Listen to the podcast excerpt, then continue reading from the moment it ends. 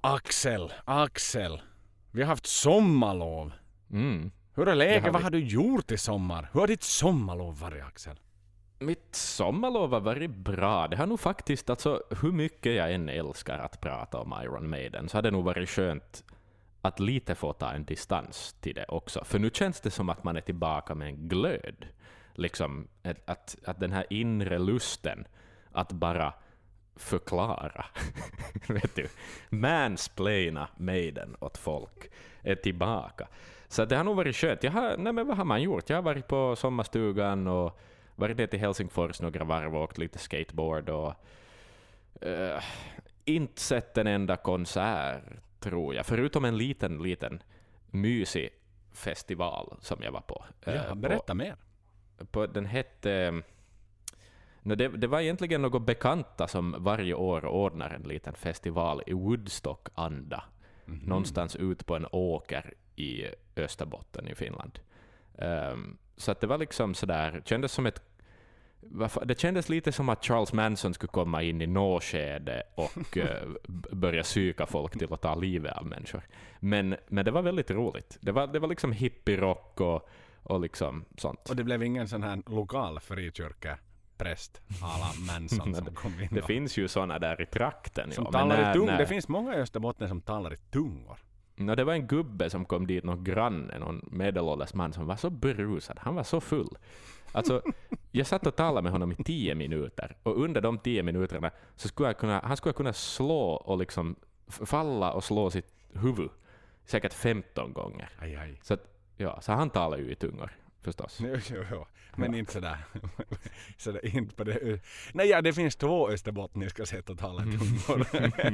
men jag syftar Exakt, kanske ett där tungan vrider sig och ett där man liksom... Ja, men det är ju också ett sätt att förlora makten över sitt eget språk. Mm, men, men då är det kanske inte här mera elaka drycker utan det är mera i andligt syfte Ja, exakt, precis.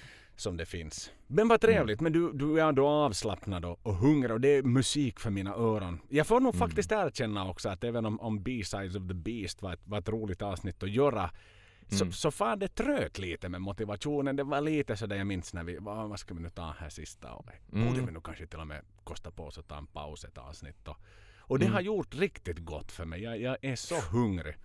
Jag ska redan nu avslöja att liksom researchen jag har gjort, för inte kunde jag ju, som den entreprenör man ändå är, som man har lärt sig av Rod och Andy under liksom alla avsnitts gång här, så inte, inte kan man ju släppa businessen helt och hållet även om det Nej, nej, nej. står röda dagar i ens kalender. Så, så jag har nog gett det här en sån in i helvetes liksom omgång av research. Så att som en sån här liten word of warning för er där ute om ni om, om ni bara lyssnar på den här podden för att höra vad vi tycker om låtarna, ja då lär ni nog fan få spola tills morgondagen. Det, det är som en VHS-kassett ni minns när man hyrde den och sen skulle man spola tillbaka den innan man lämnade in den till videouthyraren igen. Det tog ju, den där tiden tog ju aldrig slut.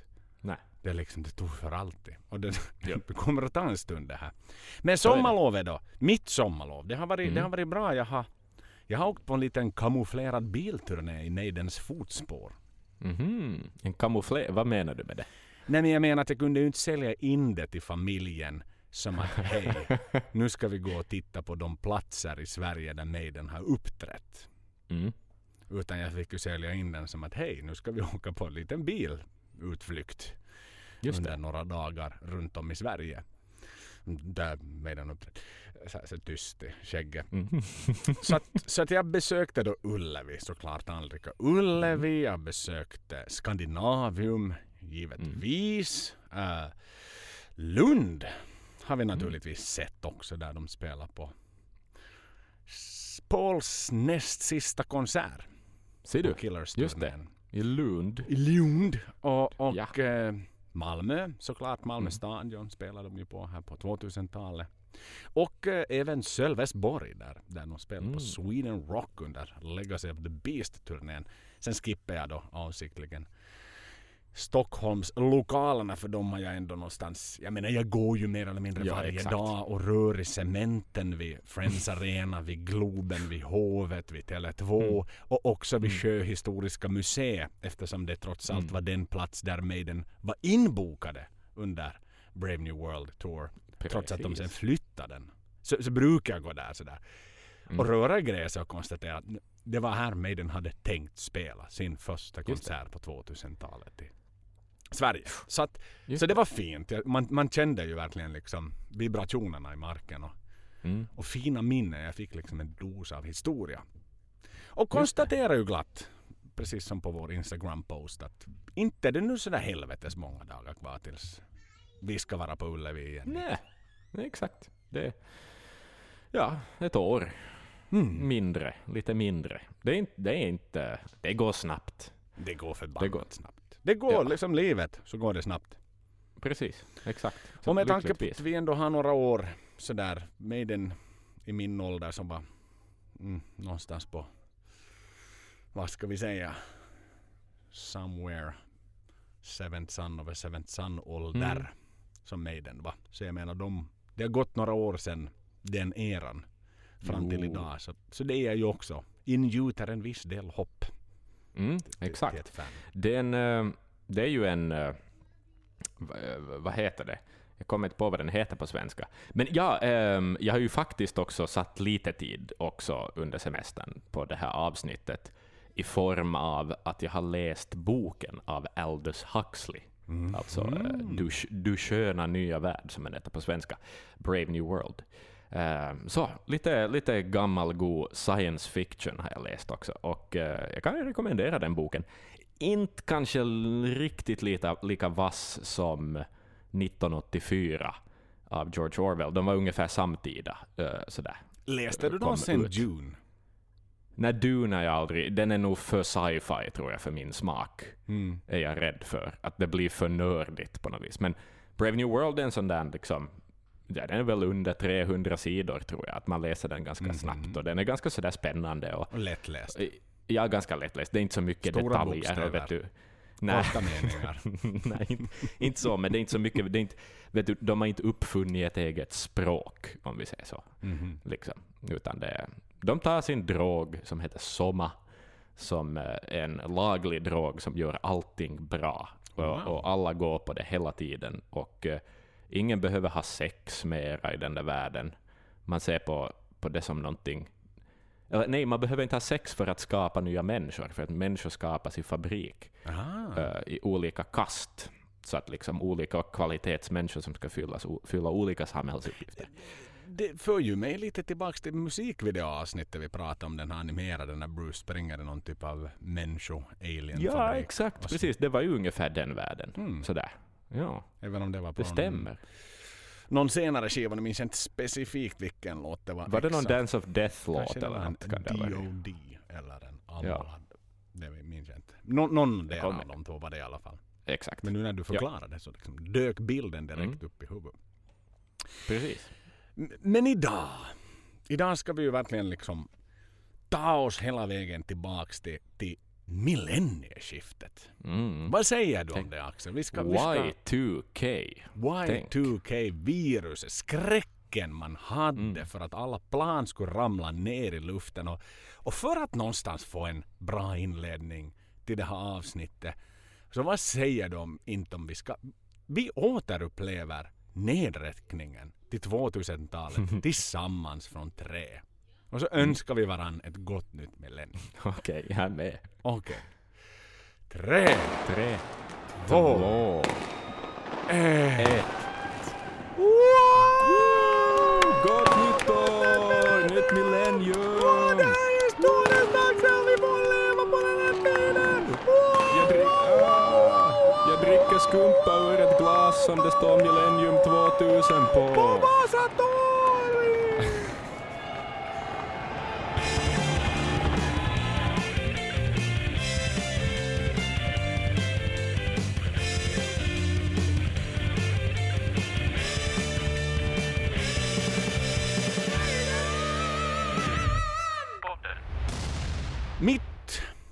arbetsnamn för hela det här avsnittet heter The Brave New Album. Eller anledningen till att Maiden inte bara existerar idag utan är världens största hårdrocksband. Inom parentes Steve Swallow Your Pride. Och ytterligare en underrubrik som heter så här A Change is Needed. Jag tycker Mm. om att vara lite engelsk och internationell för det är trots allt ett internationellt band vi pratar om här. Exakt, exakt. Mm. Och jag tror egentligen att vi behöver ta oss i tidsmaskinen hela vägen tillbaks till slutet av år 1998. Mhm.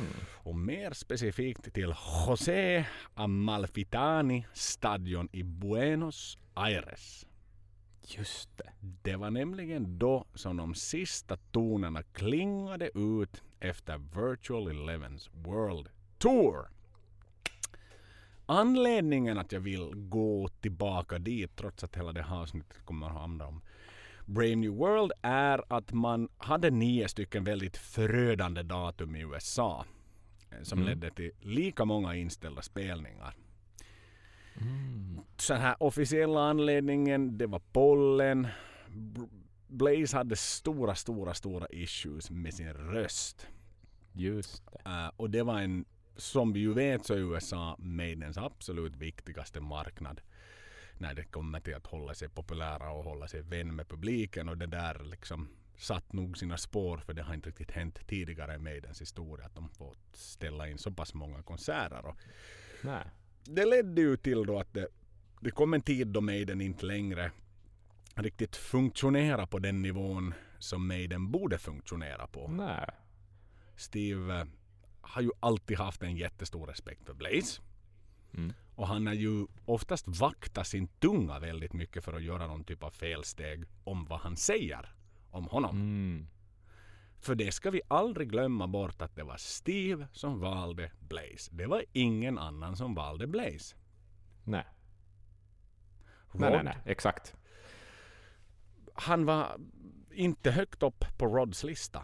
Utan det var Nej. Steve. Han skulle ha sin engelska sångare. Det var ju där liksom, Mm. om du minns, när vi gick, gick igenom vem det skulle vara. Och till och med var det Just det, Marco, precis. vad heter han, Marco Hietala, Tarots Precis. Nightwish-basisten som till och med hade skickat in en audition-tape. Men då var det ju liksom bestämt att det behöver vara en britt som ska sjunga i vårt band. Vi kan inte ta en utlänning. Nej. Men eh, Steve har ju fått den här frågan tidigare att okej, nej, men om de skulle de ha ersatt Blaze om Bruce inte skulle komma tillbaka. Mm. Och då har Steve sagt så här att det fanns en oro på scen över att Blaze inte kunde leverera konstant. Mm. Det fanns en alldeles för stor osäkerhet. Så någonting behövde göras. Mhm. Just det, men diplomatiskt ändå. Diplomatiskt, men det säger ju mig ändå väldigt mycket, de orden. Det säger ju mig Mm. att Virtual Elevens ändå var Blaze sista album hos Maiden. Ja, ja, ja. Ja, alltså absolut. Det, det hör väl till då Maiden kommunicerar att det ska göras på ett, det ska göras på ett sånt sakligt sätt som företag kommunicerar ut. Att man liksom ska säga, man ska inte säga allt, men man ska säga lite så att det nu stillar folks nyfikenhet liksom, Mm. på något vis. Så att, uh, ja, ja. eh, jag kan tänka mig att eh, musikpressen ändå tolkar det där ganska vilt. Ja, ja, ja. Eh, Men vem, hur, hur kan man på ett annat sätt tolka det? nej men exakt, precis. Bara det att, att han ska få en sångcoach och börja träna mera, eller få en medicin. Det är ju inte det det handlar om ändå. Nej, nej, nej. Att, att om man ändå offentligt uttrycker en oro så måste det betyda någonting. Mm. Ja, ja, men mer eller mindre, alltså i ärlighetens namn, he, vad heter korten på borden så betyder det ju det att, att Steve inte litade på sin sångare.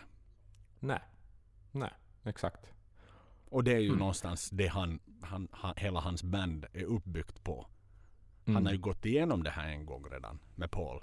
Han har, då var Ja. det i och för sig väldigt andra saker. Det var droger och, ja. och sånt som kanske liksom plockade bort distraktionen för Paul. Som gjorde att han inte kunde sjunga. Blaze var ju som, liksom den som någonstans vet brann för det här. Så det var snarare kanske leveransen i rösten som brast. ja, exakt. Han snortar pollen istället. Han snortar pollen istället. Jo.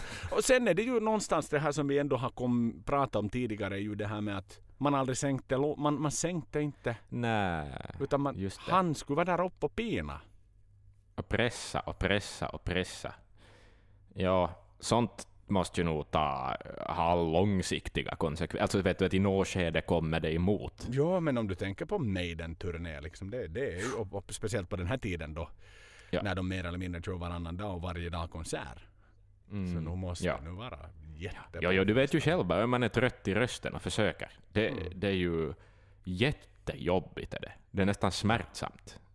Mm. Ja.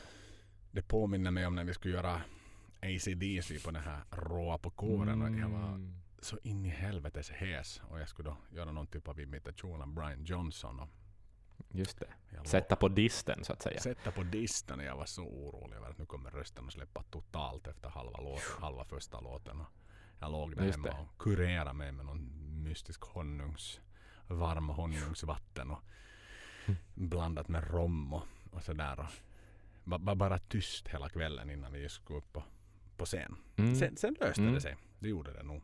Det får jag ändå lov att Just säga. det, och så, och så var du utan röst i två veckor efteråt Mm, istället. ja, ja, men då var det ju liksom, men då var det inte en turné utan det var en engångsföreteelse helt enkelt. Ja.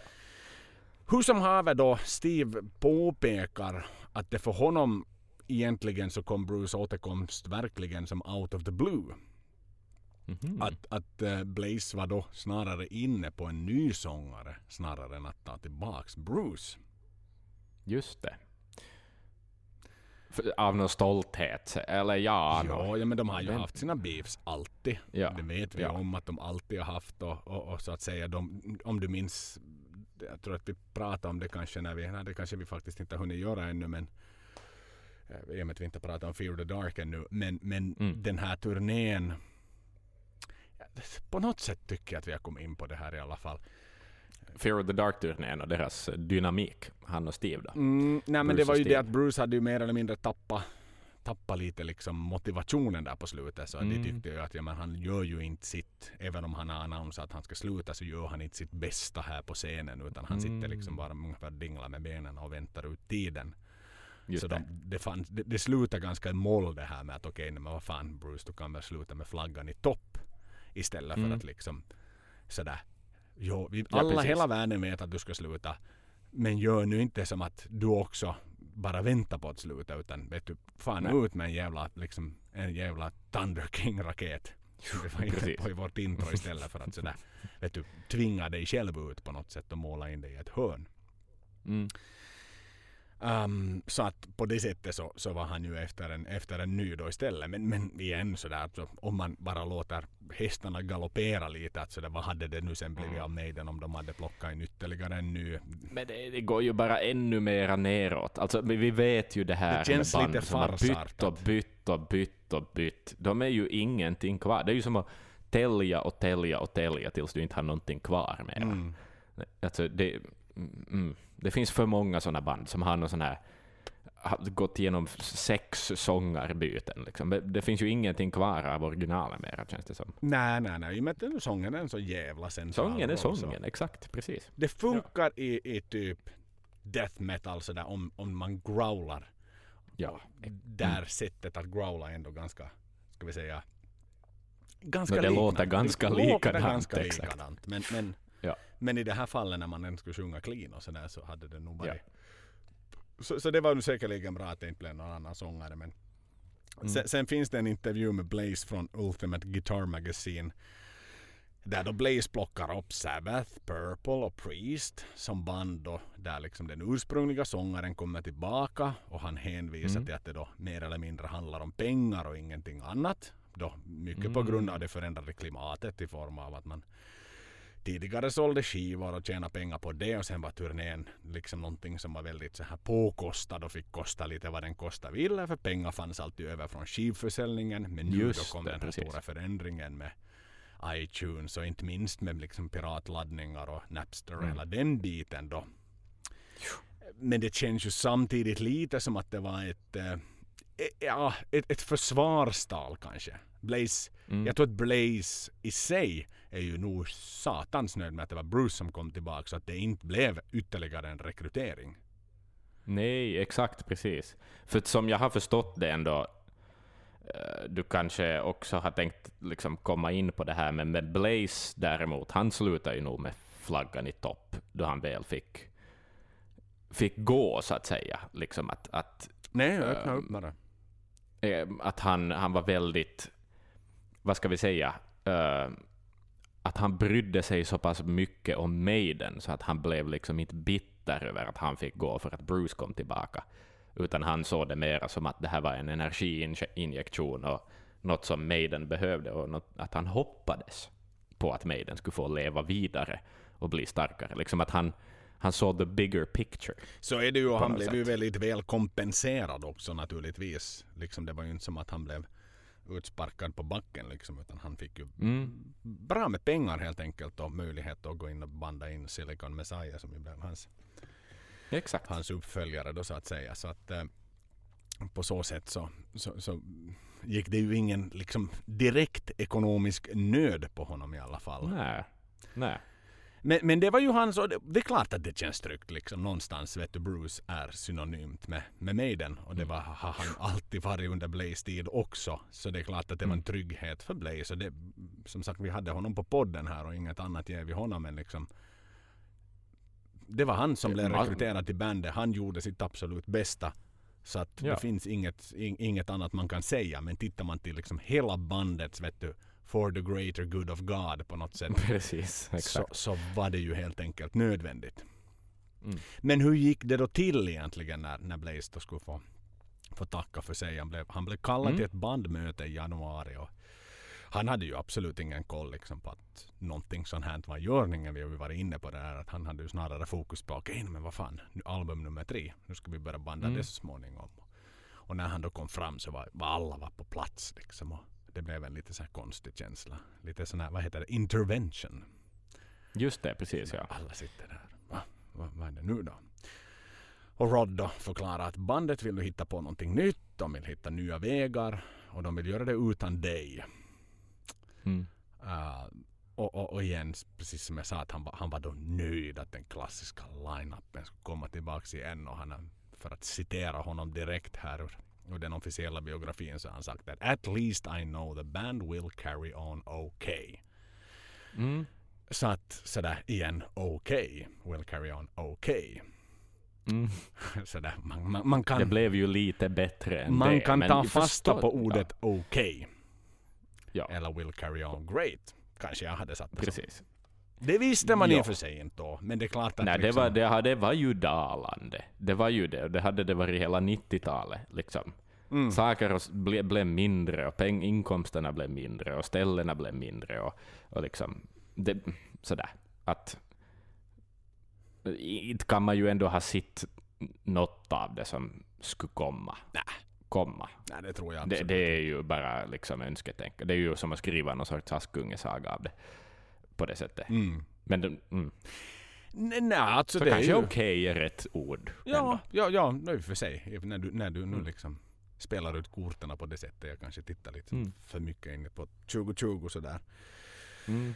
Även- det, det är nu inte ett år för något band ska vi säga 2020 egentligen. Nej, nej, nej. Förutom nej. om man sitter Värdelöst år. Förutom om man nu inte sitter och pantar på ett album sådär som Wink Wink Iron Mm. Maiden som är färdigt inspelat. Som man sådär Exakt. skulle ha bra tid att ge ut nu. Jag förstår att det kanske krockar lite med Money Making Machine Legacy of the Beast Tour men sådär. Mm. Vi säger ju inte nej Nej. om ni hyvlar ute på Åhléns här nästa fredag så vi får gå och köa. Det är helt okej, Exakt. vi förlåter er för det. det behöver, Ja. De behöver inte göra en massa pressreleaser och göra den tre månader på förhand utan det är helt okej om den bara finns där. Exakt. Än en gång, om vi nu så här ännu bara... Jag, jag vill inte riktigt släppa det här utan jag vill, jag vill liksom... Mm. Det är en så viktig del. Alltså albumet, som sagt Brave New World, men, men, men allt som hände innan det är ju egentligen det... Allt Ja, alltså det är ju som skotten i Sarajevo. Det är ju liksom. verkligen och så ska vi, i Sarajevo. Och sen ska vi prata om Parisfreden i något. Mm. Liksom. Men vi, vi måste gå igenom skotten också. Det måste vi Liksom. verkligen göra. Så om vi då liksom tillåter oss att fundera på Steves val att rekrytera Blaze. Jag menar Wolfsbane Mm. hade varit förband åt Maiden tidigare. Mm. Eh, och, och gjort ett jättebra jobb och, och liksom blivit, han hade blivit kompis med bandet under den turnén. Men, men var det så att Steve ville ha en sångare som han kunde ha i sin ficka? För jag menar, Mm. Bruce har han ju aldrig haft i sin ficka. Nej. Blaze såg ju upp till Maiden. Mm, jättemycket och han såg ju upp till Steve Ja. för Steve lärde, som han ju sa i både vår intervju med honom, att vet du, det var ju det som hände då sen när han fick foten och började göra sitt eget så var ju så här, tack vare Steve kunde jag börja skriva låtar. Att han lärde mig ett nytt sätt att tänka på hur jag vet du, bygger upp Mm. strukturen på en låt och hur jag liksom bryter upp dem och sådär. Så det var ju verkligen ett mentorskap i, i, Ja. i Steves roll gentemot Blaze. Exakt. Ja. Ja, ja, medan det alltid var en tävlan mellan Steve och Bruce. Ja, där var de båda ju är såna jämlika. vinnare på något vis. De är vinnare Mm. båda två. Liksom, sådär. Idrottsmän också för den delen, så det måste ju nog ha sett en viss prägel. Sådär. Uh, ja. Men vad, vad säger Ja, du om exakt. saken? Ville Steve då helt enkelt liksom göra någonting helt annat i och med det? Att han, han ville ta en less known så att han kunde på något sätt forma och styra en liten marionettdocka. Mm. Var det det Ja, det var ju många, många herrans år sedan han hade fått stå för allt själv. Liksom. Mm. Det var det ju ändå. Ehm, ja. Eh, varför inte? Alltså det är ju, det, hur jag än alltid tänker på det, så kan jag ju ändå inte annat än att konstatera att det var ett skumt val av sångare. Liksom, hur vet du, det, det är udda att Blaze har varit i Maiden. Det, det, det, det sticker ut. Också om man jämför andra bands historia och liksom deras val och tänk. Så liksom att ta sådär...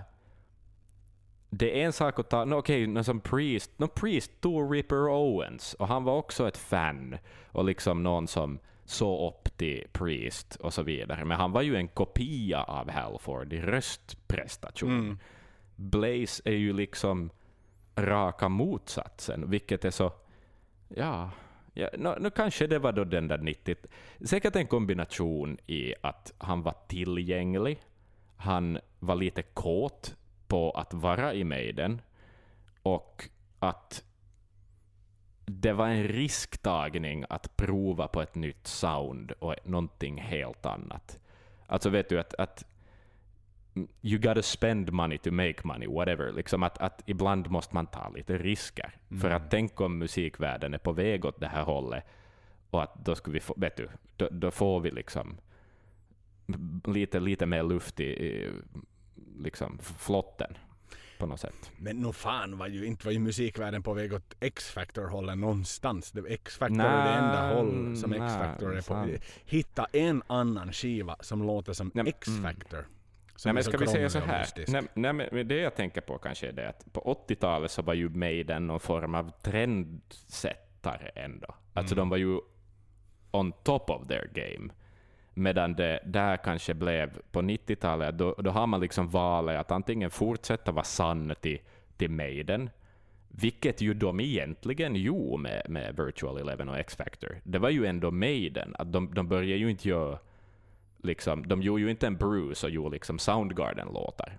Nej, men Utan- igen för att liksom återanvända Steves mycket frekvent använda citat. Stick to our guns. Ja, exakt. Precis. De stuck to their guns. Och ehm, för att då får de ju ändå fortsätta styra, vet du. Att de inte följer... De börjar inte, ja, de börjar inte göra Soundgarden-liknande rockmusik liksom mitt i allt, för då skulle det bara ses lite som... No, det- framförallt så skulle inte fansen gilla det och sen så skulle ju inte musikpressen skulle ju se igenom det, ge antagligen helt värdelösa recensioner om Maiden skulle ha gjort något sånt på det sättet. Men hur fan Ehm. kom Metallica undan med det då? Nå, I och för sig har jag ju inte läst recensionerna av då något load och reload, men de kan ju fan inte ha tagits emot bra. Äh, Ja, fan. Nej men det är sant, för det är ju nog hemskt, hemskt, hemskt. Det är ju mer annorlunda jämfört med tidiga Metallica än vad X-Factor är jämfört med tidiga Maiden till exempel. Väldigt det är ju nog en så, större väldigt skillnad. Så. Och det är ju i det Galet här stor fallet så är de ju verkligen liksom varandras antagonister om vem som får sitta på tronen och kallas liksom hårdrocken, Mm. metallens kungar. Det är ju det här, Ja. i det här fallet är det, nu är de ju Metallica så pass etablerade på 90-talet så det är ju verkligen liksom är det, är det jänkarna eller det britterna som sitter högst upp på, på pallen? Fan, det där är fan en spännande jämförelse ännu. Det är det. Hur, hur, ja, vitsi, jag, jag måste gå in och läsa några recensioner av Load och Reload, för att jag menar, de är ju Metallicas X-Factor och Virtual Eleven Mm. på det sättet. Uh, Saint Anger kan ju absolut inte konstateras vara någon Brave New World om vi säger så, men, eh, men liksom, de skivorna är ju inte bra. Och ingen... Alltså, Okej, det finns ju alltid de där, ju- just de här som, eh, som har tatueringarna där det står att Load and Reload is also very good albums. så, så Ja men igen, alltså, det var ju det där som plockade upp. Jag menar jag hade en tjej i min klass. AC Mm. hette hon. Så, som blev en jättemetallica-fan just i samband med Load och Reload. För att det spelades på. Vox Pop som ju då visades i Vasa. Ah, ja, musik ja. Det var en jävla trallvänlig, satans radiovänlig musik. Det var det det var. Ja. Men Maiden var inte på den här tiden heller trallvänlig och radiovänlig musik inom X-Factor och Virtual. Utan Mm. De gick mainstream Metallica på den här tiden. De gick Ja, motherfucking mainstream. Maiden gick inte mainstream, men den hittade en ännu tunnare litet dike som ledde ut någonstans från i samband med rekryteringen av Blaze. I samband, nu ramlar allt ner här för jag blir så ivrig i studion. Men min Nico McBrain, en beer cooler som jag köpte på, på hans restaurang.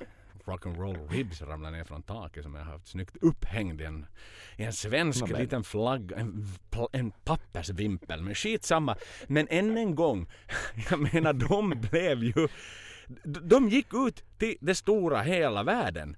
De, de satte ut en... Är det, men är det, är det då det? Det är sant, det gjorde de. Men är det då det att de är amerikaner, så det är okej? Vet du?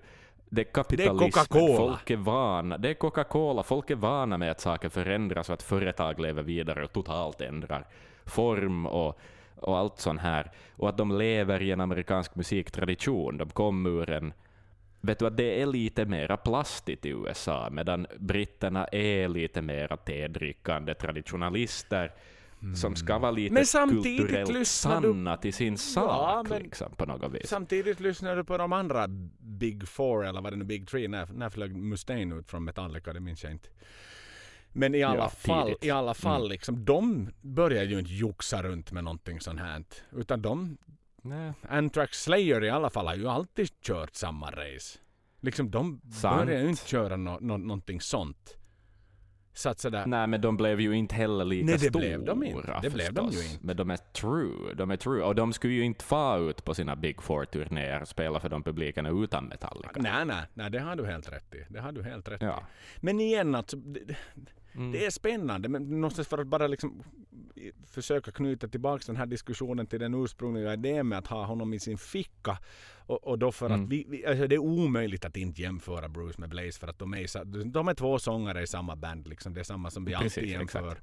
Paul med, med Bruce och Paul med, med, Mm. med Blaze. Det, det gör man helt enkelt. Och man, vi Ja. plockar med Jannik och vi plockar med Adrian. Vi jämför folk, det är det vi gör. För vi pratar om ett och samma Ja. band som har rekryterat olika människor. Så att förlåt nu till er där ute som sitter här och, och liksom halt, vet du, koka, potatisen kokar över för er för att vi sitter och överanalyserar det här. Men, men nu är det så här att det här är en podd där vi gör det och, och vad jag vill ännu komma till är det här att Bruce var ju så in i satans ambitiös. Jag satt och lyssnade på vårt eh, Number of the Beast avsnitt här om kvällen. Inte hela Mm. men, men, men delar av det. Och, och då pratade vi om det där men, med, innan han då skrev på kontraktet för 100 pund i månaden för Maiden så var det ju Mm. där att jag kommer att säga till en massa saker. Jag kommer att ta utrymme och jag kommer fan i mig att säga när det inte är bra.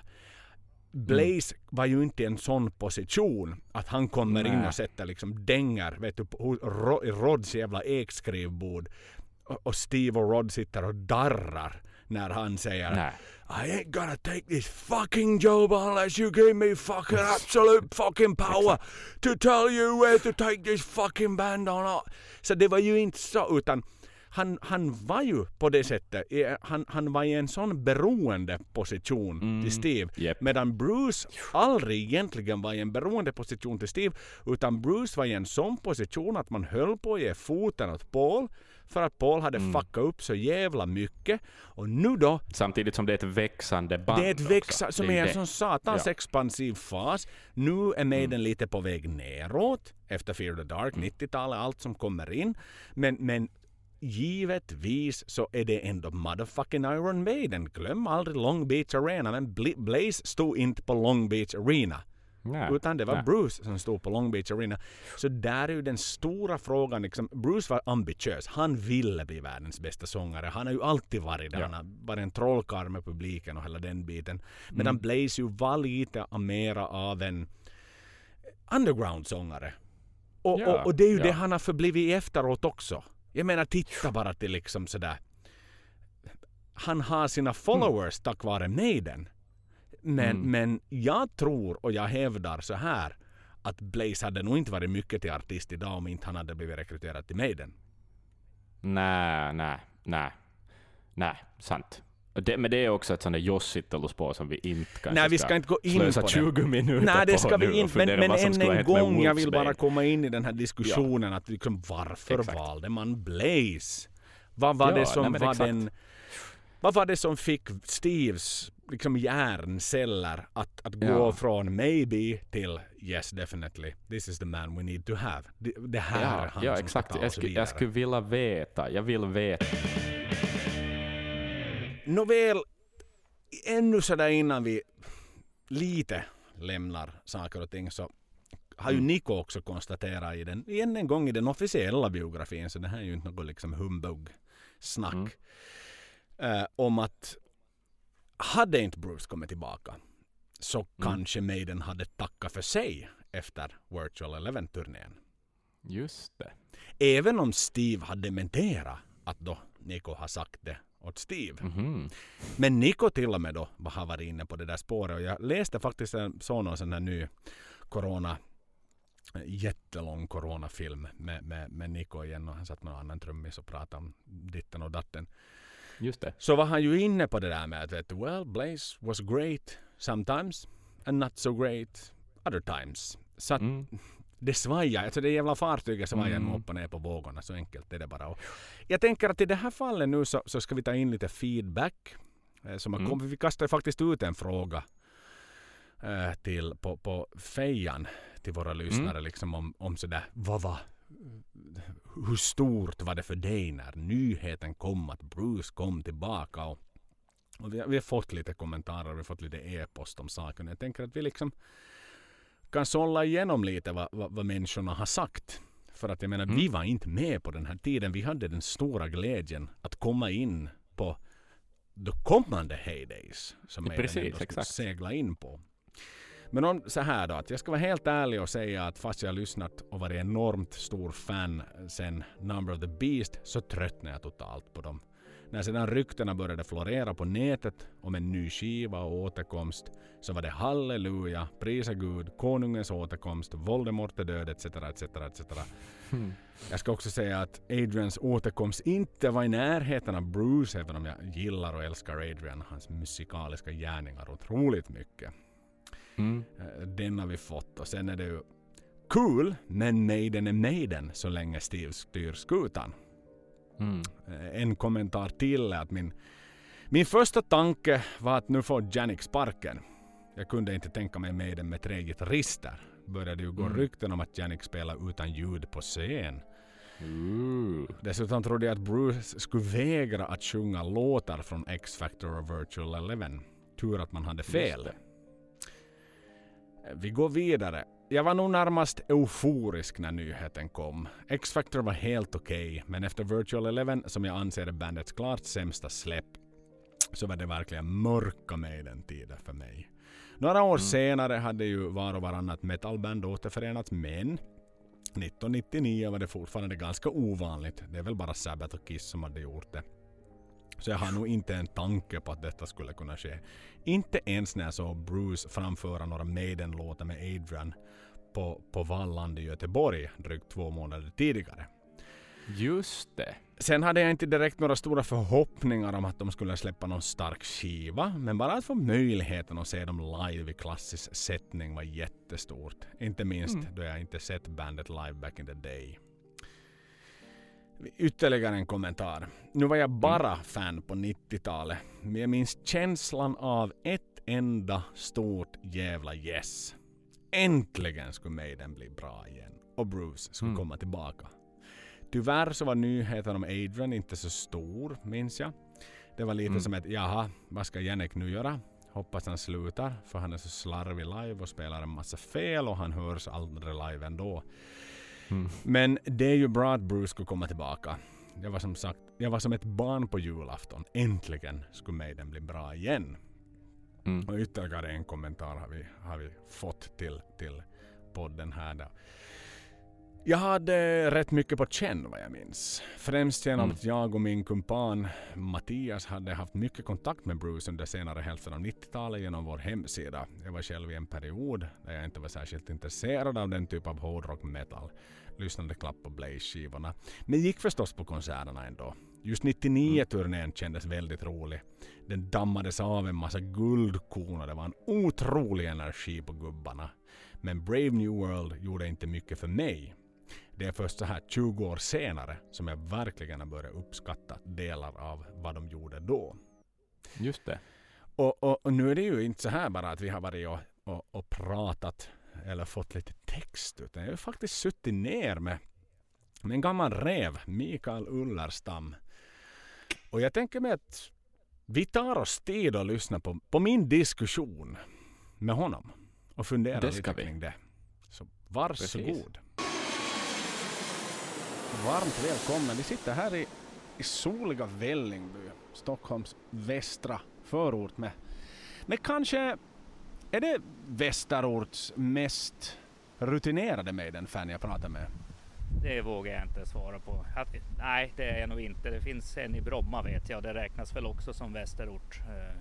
Eh, en jag känner till i Bromma som är eh, fanatisk. De finare delarna av Västerort. Men om vi säger de, de mera arbetande delarna. Om vi tar liksom East End av Västerort så då skulle jag kunna kalla det det. Är det okej? Eh, Vi kan väl säga på min gata är jag väl det i alla fall. Att, Jag säger så här att på de, vad blir det, sista fem hållplatserna på gröna linjen så har vi Stockholms mest etablerade Maiden-fan. Anledningen att jag sitter här, vi hade ju en shoutout på, på eh, både Facebookgruppen och jag tror på Instagram också. För att egentligen, nu pratar vi om, om en Brave New World och vi pratar om det här tronskiftet från, från 90-talet och från till 2000-talet och från Blaze tillbaka till Bruce och, och vad jag ville komma fram till är huruvida det gjorde någon skillnad när Bruce kom tillbaks för fans som har varit med och lyssnat på Maiden sedan 80-talet. Och, och nu sitter jag då här tillsammans med, med Mikael Ullastam och diskuterar det här som var med sedan 1983, sen Peace of Mind har jag för mig. Och Metal 2000, det var ju ett slags samlingsnamn då som tillämpades för att lansera Maiden, Maiden på nytt. Man, skulle, man tog fram en Eddie Smiley och man skulle man skulle göra sig till ett band för nästa årtusende. Hur såg du, Mikael, på den satsningen då som Maiden gjorde? Eh, jag ska inte säga att jag kommer ihåg så väldigt mycket av det här med Metal 2000. Eh, jag var ju mest väldigt glad över att Bruce och Adrian eh, kom tillbaka i bandet så jag skulle få se dem live. Förhoppningsvis många gånger framöver med, med, med just Bruce och Adrian på scenen. Jag hade ju inte sett Adrian live innan han kom tillbaka då. Så, så det var väl mest det jag eh, förväntade mig att få uppleva många, många konserter till. Då, men För du var inte hemskt nöjd med den line-upen då som du såg under uh, Blaze-eran? Ja, inte bara den utan det var ju, jag såg mig den första gången på Fear of the Dark och sen på Virtual Eleven och, Adrian var ju inte med på någon av dem. Han är ju min favoritgitarrist så att det, eh, jag vill ju verkligen se honom också på scen. Med allt vad han till för. Faktum är ju att Blaze är den senaste medlemmen i Maiden som har fått gå och det är 21 år sedan idag. Vi glömmer bort ibland att från tiden när Brave New World kom ut till idag, det är 21 år sedan, från tiden när första Iron Maiden-skivan kom ut till Brave New World är 20 år sedan. Om man tänker då förstås, det är ju hänt så in i helvetes mycket mera på den första tiden, första 20 åren än vad det gjorde på de andra. Men då när då Maiden kom ut och, och, och 1999, det stora året för, för Maiden 2.0. Hur såg man på framtiden för Maiden? Var det bara en comeback show eller? Um Alltså 90-talet ägnade jag mig åt, åt dödsmetallen i, i princip. Jag, eh, jag, ska inte säga att jag ignorerade Maiden. Jag köpte skivorna och lyssnade på dem men det var inte riktigt sådär att Eh, att det gick hem hos mig då. Uh, varken No Prayer, Fear of the Dark, X-Factor eller uh, Virtual Eleven var inte någon av mina favoritskivor. Utan jag levde på 80-talets material då. Och sen där i slutet på 90 så tycker jag att uh, ny musik, nja, det kommer ingenting bra nytt. Jag var, var väl en liten bitter gubbe redan då. då men, eh, jag hade inga som helst förväntningar eh, annat än att få se Maiden live med Bruce och Adrian tillbaka. Det, det, det var det enda jag hade då. Men var det 80-talet du ville åt med Bruce och Adrian tillbaka? För jag menar, än en gång, 1999 det är ett år när nu metallen stod som starkast. Limp Bizkit sålde enormt med skivor. Var det liksom ett Maiden som skulle gå tillbaka till 80-talet eller var det då ett Maiden som liksom var tvungna, där du såg Maiden som ett, ett det var tvång att förnya sig för Maiden? Eller annars blev de bara i facket gamla nostalgiska gubbar? Jag vill inte att de ska förnya sig jag, jag vill att de ska låta som på 80-talet. Det är min eh, period. Jag var tonåring under hela 80-talet och det, den musiken kommer jag aldrig att släppa. Utan, eh, och nu metallen, det hade ju en eh, styggelse i mina öron. Eh, den, inte så att man ska kanske förbjuda den, men, men eller jo, det ska man nog göra. Men den kom och den gick. Så var det ju. Det ser vi ju med facit på hand idag. Inte det är som att den är en etablerad genre. Och någon gammal intervju jag läste med med, eh, vad heter nu sångaren i Limp Bizkit, vad han nu hette, Fred Durst, så har ju till och med konstaterat att han skämdes lite över vad de gjorde i tiderna. Ja, okej, okay. jag har inte läst några intervjuer med någon. Eh, jag har ju ignorerat genren totalt. Det är, ja, det är ingenting jag vill ha att göra med dem. Men jag ville ju att Maiden skulle, ja jag såg ju fram emot nya skivor och hoppades att eh, de, de kunde göra någonting jag tycker om och det gjorde de ju verkligen med Brave New World och, och, och skivorna efter det. Då. Så att, eh, på, på, så sätt så, så, är jag väl lite glad att de inte eh, fastnade i 80-talsträsket utan att de förnyade sig. Och jag tycker de är ruskigt bra idag. Då, så, är det ju verkligen. Och då när nyheten i Säg att det var januari, februari 1999 kom ut att nu är det klart. Bruce kommer tillbaks. Hur, hur, hur gick känslorna när, när nyheten nådde dig? Ja, jag var ju naturligtvis oerhört glad. Eh, både för Bruce och Adrian, båda två. Eh, båda har ju betytt mycket för mig, eller för hur Iron Maiden ska låta. Så att, äh, jag, jag, jag kommer inte ihåg exakt vart jag läste det eller men, men jag vet ju bara att äntligen bra, bra, bra, bra, bra, bra. Nu finns det lite hopp om framtiden. Eh, att äh, jag kan få höra mina 80-talslåtar igen live eh, med dem och kanske få någonting eh, nytt. Vi var lite inne på det här redan hur du uppskattar att, se, att få se Adrian för första gången live men hur viktigt var det att också Adrian kom tillbaks? Var det rent av lika viktigt eller? Ja, eh, nästan lika. Bruce var ju viktigast i och med att han sjunger. Eh, det går ju att ersätta Adrian även om det tar emot lite grann då. Men eh, nej, det var oerhört viktigt för min del och, och hade jag fått som jag hade velat då så hade Jannik fått gå så att jag har Bruce, eller Adrian och Dave på varsin sida och duellera med varandra som de gjorde på 80-talet när man fick fälla en tår när de spelade. Och, men jag har släppt det nu så att eh, nu, nu är de tre stycken. Du har accepterat Janik? Jag, jag har ju inget val. men ja, det, så kan vi väl säga då. Ja. Ja, det är rätt det. är ju den eviga debatten det där med Janiks varande eller inte personligen så har jag alltid välkomnat honom och någonstans, för han var alltid med när jag började lyssna på Maiden då i samband med Brave New World så var han alltid där, han var en del av bandet. Men om vi nu tar handen på hjärtat, om, om Bruce aldrig hade fått ett erbjudande, Bruce solokarriär hade gått som tåget och han aldrig såg någon anledning till att helt enkelt spela i band något mera förutom i sina egna och Blaze hade fått stanna. Finns Maiden kvar idag? Eh, K- kanske. Eh, Blaze har ju sin eh, fanbase. Eh, det finns ju en generation som eh, växte upp med honom i Maiden. Så att nu, kanske att de hade funnits kvar, men jag tror inte de hade varit lika stora som de är idag. Eh, idag är de ju betydligt större än vad de var på 80-talet eh, också i och med att det är många, många generationer av fans. Eh, så att eh, de hade kanske varit ett mindre band då eh, idag om vi nu ser på resultatet då som kom ut av deras återkomst. Det var ju än en gång som Bruce säger så, så han kom inte tillbaks för att spela nostalgisk musik. Han kom tillbaks för att ta in Maiden på 2000-talet och för att liksom statuera att Maiden är ett band för framtiden också. Höll albumet måttet? Absolut. Eh, när Brave New World kom och jag, jag, jag hade som inga förväntningar på den. Jag tänkte att nu kommer någon gubbrockan och något slag eller något men eh, jag kommer ihåg att jag blev lite paff, men vad fan, det här är ju löjligt bra. Men någon förväntan hade du, kom igen. Nej, jag var lite negativ just med att på den tiden så jag tyckte inte att det släpptes bra ny musik. I och med att ja, de här uh, nu metal och, och grunge och vad det nu var för någonting som spelades. Det var, till och med dödsmetallen tyckte jag hade tappat lite grann så att jag var lite surig då. Jag gick ju tillbaks och lyssnade på gamla band som Judas Priest och Sabbath och, och, andra då. Men eh, efter Brave New World så började det dyka upp. Jag började upptäcka ny musik igen då. Eh, vad fan heter de där nu då?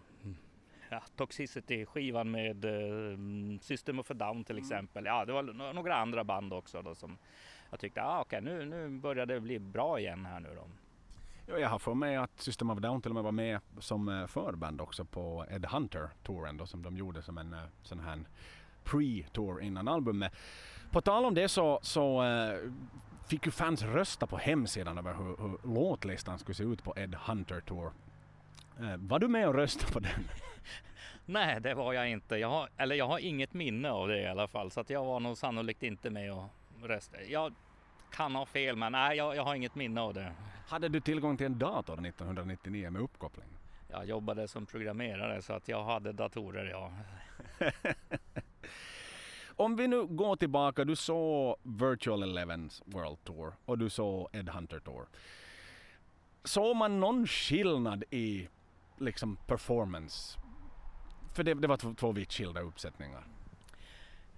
Inte vad jag kan eh, komma ihåg. Eh, alltså Maiden levererar ju med Blaze också.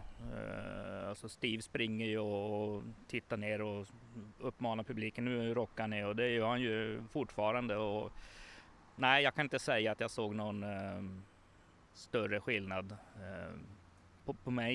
Det är andra personer på scen, ja, men eh, i övrigt nej, det kan jag inte säga. Men skulle du säga att Steve hade ett större ansvar under Blaze-tiden än vad han har på Bruce-tiden? Eh, nej, det, nej, det vill jag inte. Steve har alltid ett ansvar. Han tar den också. Eh, nej, jag, jag, kan inte påstå något sånt, nej. För jag menar om vi går tillbaks hela vägen till Paul-tiden och även innan Paul-tiden så var ju Steve någonstans mittpunkten också på scen. Han stod oftast längst fram och han sjöng till och med någon konsert när Paul var, var sjuk och inte kunde medverka och, och då såklart när Bruce blev rekryterad så hade de ju sin duell där när, när Bruce förlängde sina mixstand så att han skulle så att säga kunna hålla Steve borta för det var sångaren som ska stå i mitten och ingen annan. Och då hade ju någonstans blivit en liten evolution under hela 80-talet med att okej, okay, jag står lite på sidan när jag kommer fram. Alla vet att jag är bossen i bandet, men det är ändå Bruce som sjunger och showmannen. Men, men för vad jag kan tycka, på, nu är det bara klipp jag kan ta från, från Youtube, så tycker jag att med Bruce så är det så självklart att Blaze, eller att uh, Steve har sin plats för han vet vad Bruce gör. Men med, med Blaze så fick han väl kanske lite försvara Blaze mot många fans som dök upp som ändå på något sätt ville se Bruce. Så det, det är min tolkning, men du, du ser inget av det? Nej, alltså jag har ju bara sett Maiden en gång med Blaze och det, och det var i Stockholm och nej, jag, jag, jag, kan inte säga att jag känner igen mig i det. Uh, nej, jag kan inte säga det. Men du såg dem en gång så du valde medvetet att inte se X-Factor World Tour eller X-Factor? Eh, nej, jag bodde ju i Kiruna då och det var lite väl långt att åka och så stor fan var, av X-Factor var jag ju inte. Jag, jag hade redan bockat av mig den då på Fear of the Dark så jag hade sett dem så att eh, det var för långt att åka och jag hade inte så mycket pengar heller och sånt. Men till Virtual Eleven så bodde jag ju i Stockholm så då gick jag ju naturligtvis. Eh, eh, jag, jag, går alltid om Maiden kommer och jag är nära så då går jag ju naturligtvis. Absolut. En sista fråga med handen på hjärtat då. Trodde du någonsin att 80-talsmetallen skulle klara av 2000-talet? Eh, jag satt ju inte och väntade på att den ska komma tillbaka. Men den, den 80-talet finns ju alltid i mitt hjärta. Som, eh, det är min, eh, den musiken jag växte upp med. Och, men sen Brave New World kom så tycker jag verkligen att det har fått en stor revival. Eh, det är inte bara Maiden som är tillbaka. Det är många andra band som Metallica och Slayer har levt vidare och, och eh, uh, Mötley Crüe och Black Sabbath nu visserligen 70-tal men uh, så att må många av de här gamla banden från 80 och 70-talet finns ju kvar. ACDC till exempel. Det, och de fyller ju arenor, Ullevi och, och, och så vidare. Så att, äh, jag, jag är ju jätteglad över det få se alla de här banden live. Är det någon speciell låt du riktigt vill lyfta upp? Ja, absolut. Ghost of the Navigator. Eh, den är helt fantastisk och jag får 80-talsvibbar eh, över den även om det är, nu, det är en ny tappning. med alla de här Maidens kännetecken finns med i den låten. Och, ja, det, man blir nästan tårögd när man eh, hör den och framförallt de här första gångerna jag hörde den. Men det är ju inte sant vad bra den är. Va? Så att, eh, ja, och nu vet ni vilken låt som är bäst. Som sagt, både Mickes och, och kommentarerna här nedan är ju väldigt euforiska kan vi väl ändå sammanställa mm. till att Bruce kommer tillbaks. Det är ju ingen som har sagt att nej, vad är det Maiden håller på med? Exakt, vad synd att Blaze inte är kvar längre. Nej. Nej, ingen säger ju det.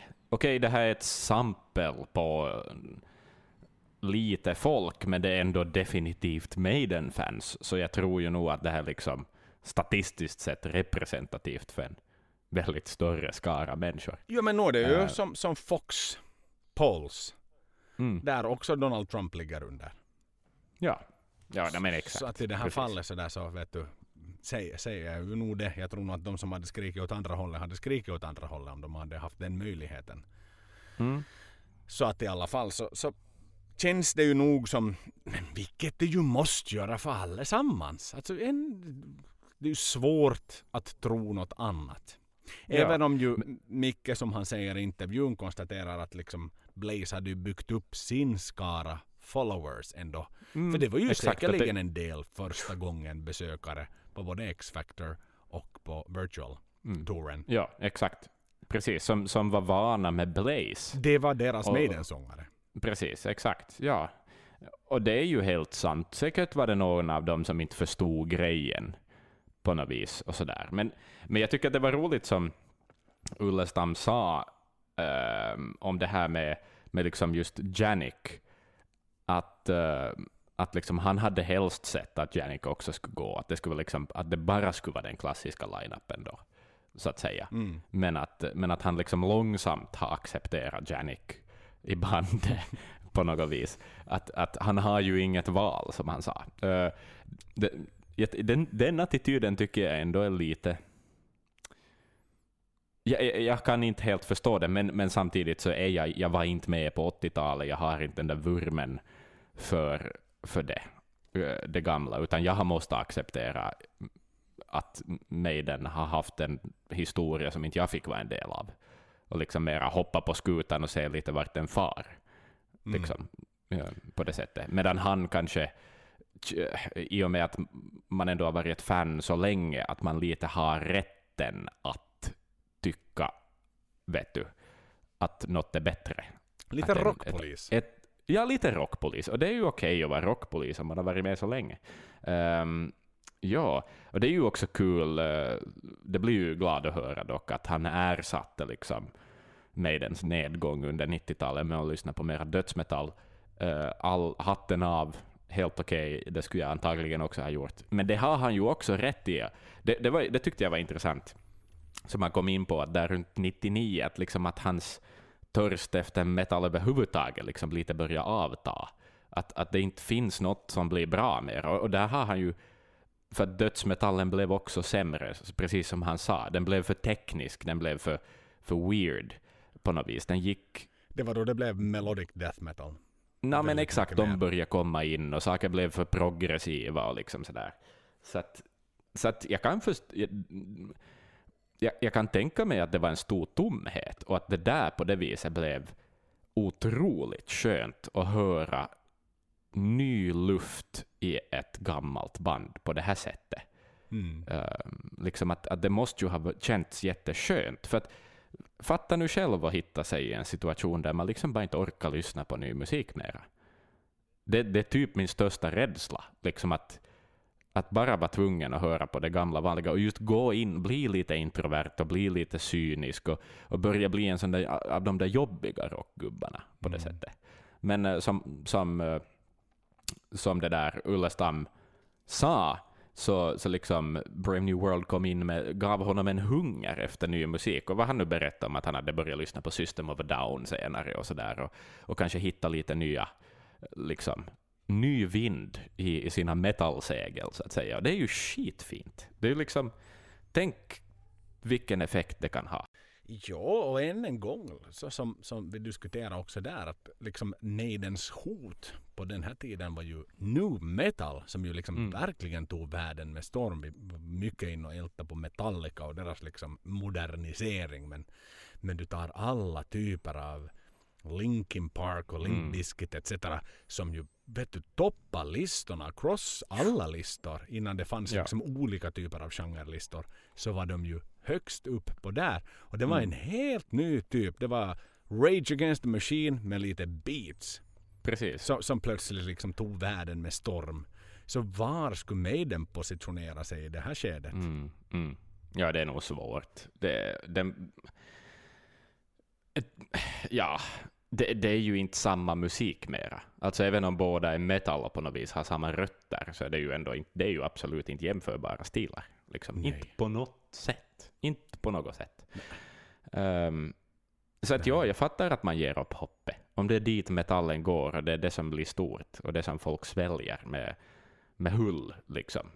Ehm, vad heter han nu? Killen med den röda Yankees-lippisen. Fred Dursts liksom vita rhymes över någon sorts... Ja. Nåja, vi behöver inte säga vad vi tycker om nu metal. Men, eh, men den kom. Och som du konstaterar själv, den fanns och den kom och den blev stor. Mm. Och den försvann. Det också. Kom lite tillbaka dock. Mhm. Jag vågar känna, känna det på mig, att den kommer. Allt går ju i cykler, så vi får nog höra nu metal igen ännu.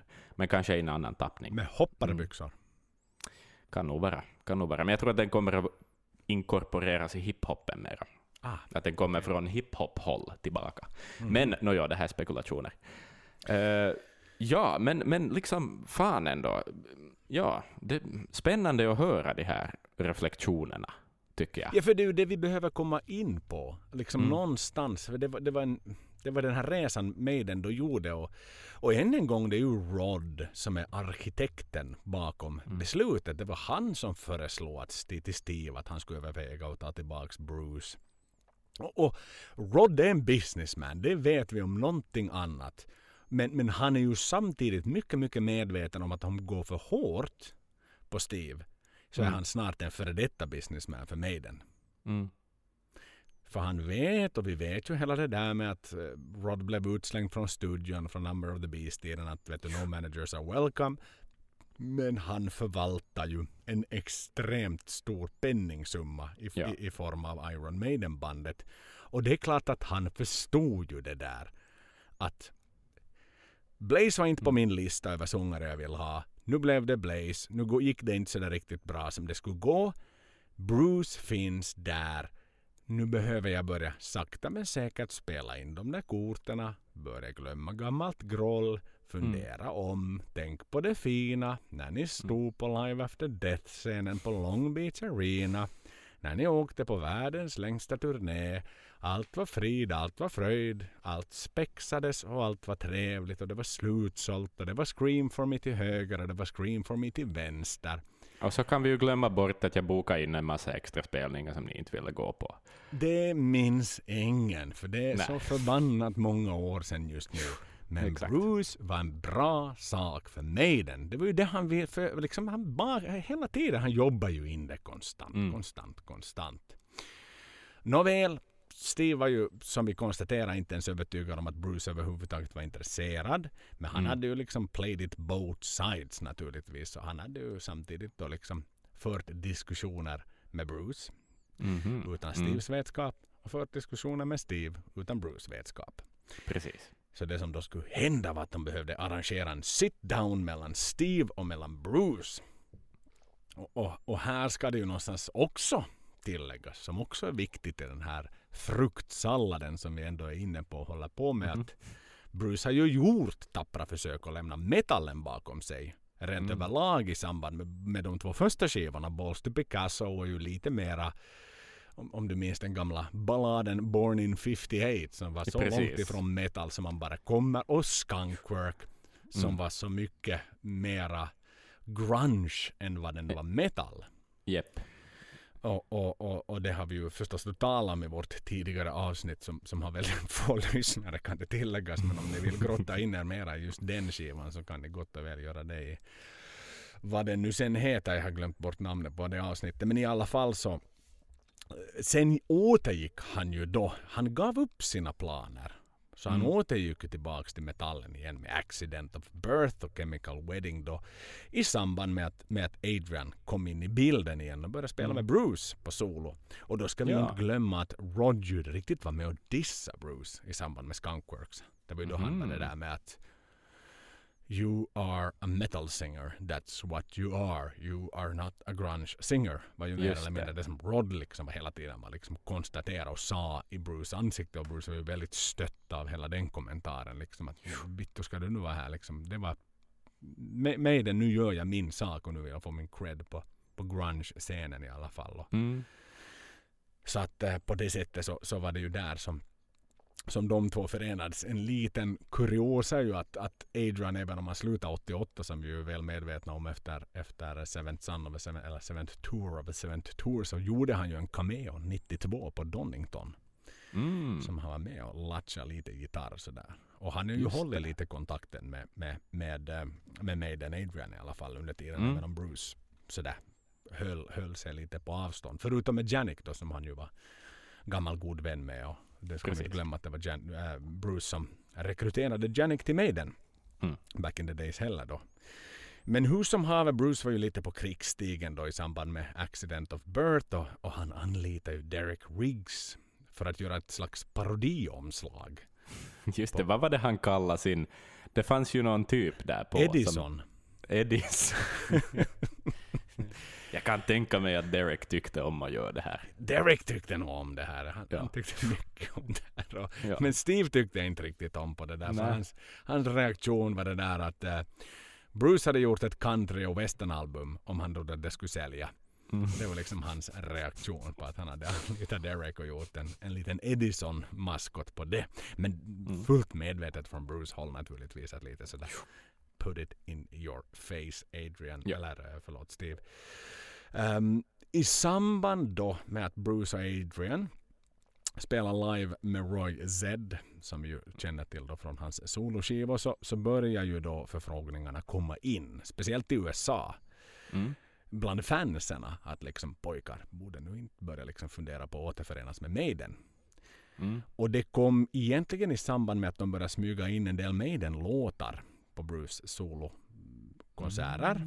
Eh, strikt då sådana som Bruce och Adrian hade gjort. Till exempel Just Two det. Minutes to Midnight, Flight of Icarus, Big Quick or Be Dead och sånt.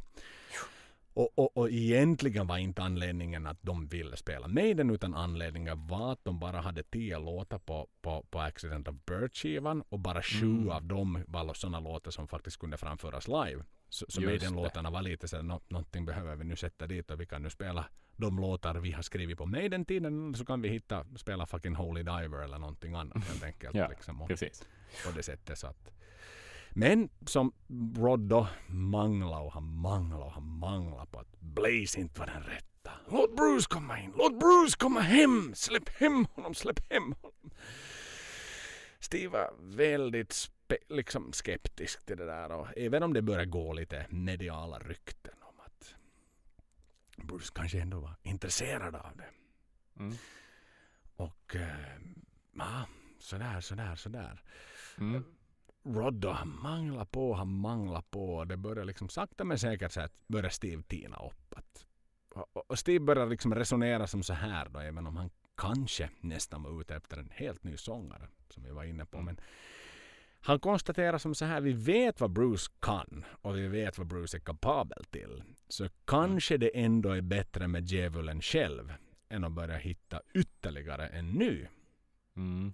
Sådär igen, sådär Precis. kallar Bruce till djävulen nu någonting. Sådär kan Mm. ställa sig något frågande till kanske. Men, men, no, Ja, men i Maiden, i Maiden sammanhang så är det ju någonting positivt. det är ju någonting credit faktiskt. Även om, ja, inte vet jag nu egentligen det för då är ju faktiskt äh, djävulen en nickedocka till Eddie. Så, Mm. så, sådär. Vem, vem Okej, styr sant. vem? Är det då Steve som är Eddie? Vilket han, no, det han ju all, har ju all förtjänst att vara. Ja. som sagt då. Bruce har påpekat att 90% redan fanns på plats inför att han då skulle komma tillbaka. Eller Mm. eventuellt skulle komma tillbaka. Men det som han eftersökte med den är att det ska finnas en vilja att göra ett riktigt state of the art album. Och den, Mm. och den ska absolut inte vara något satans jävla comeback-album. Utan det. målet ska vara ett och endast ett.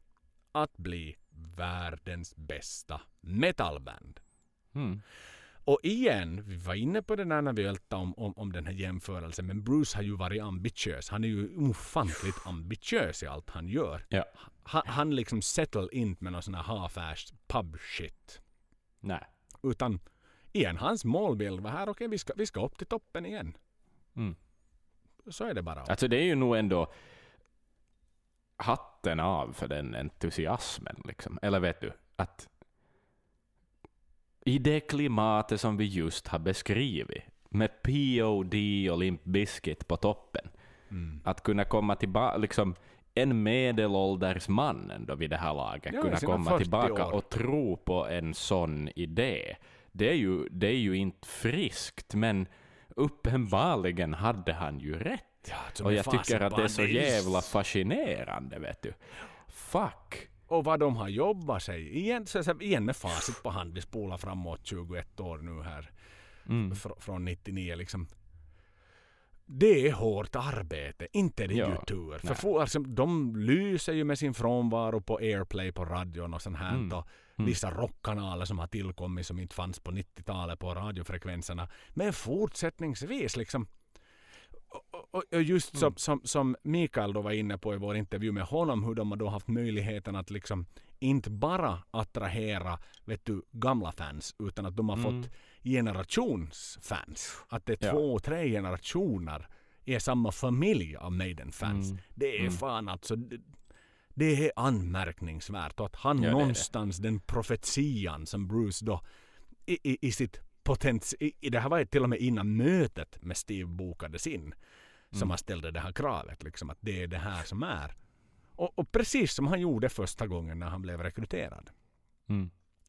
Så att nu är det ju liksom wow. Ja, men det, är ju, men det är ju bara det att Maiden är ju någonting mer än ett band. mm. Alltså Maiden är mera av en fotbollsklubb eller något. Alltså det är någonting, det man, det man träder in i då man sätter på sig en Maiden-tröja och går på en konsert är liksom Ja, det, för- det, det är någonting annat. Det, det, det är ju det att man vill, det signalerar någonting, det säger någonting om en som person, att man väljer just Maiden, vet du. Visst gör det det. Och, och, och det ska ändå tilläggas att när då Bruce luftade med Roy Z och, och, och Zed och resten av bandet då i sitt solo Mm. liksom att okej vet du det har kommit liksom lite förfrågningar om jag skulle komma tillbaks till Maiden. Så det, Mm. det kommer ju då betyda att min solokarriär liksom kanske kommer att den kommer inte kanske att ta slut helt och hållet men jag kommer ju inte Mm. att hinna jobba heltid med det här. Och Roy Zed hade ju varit liksom att vet Bruce, just go, just go. Mm. Vet du, världen behöver Iron Maiden. Ja. Som, Ja, ja, ja, som, som det. belyser och någonstans liksom hur stor del Maiden har ändå haft i många människors liv.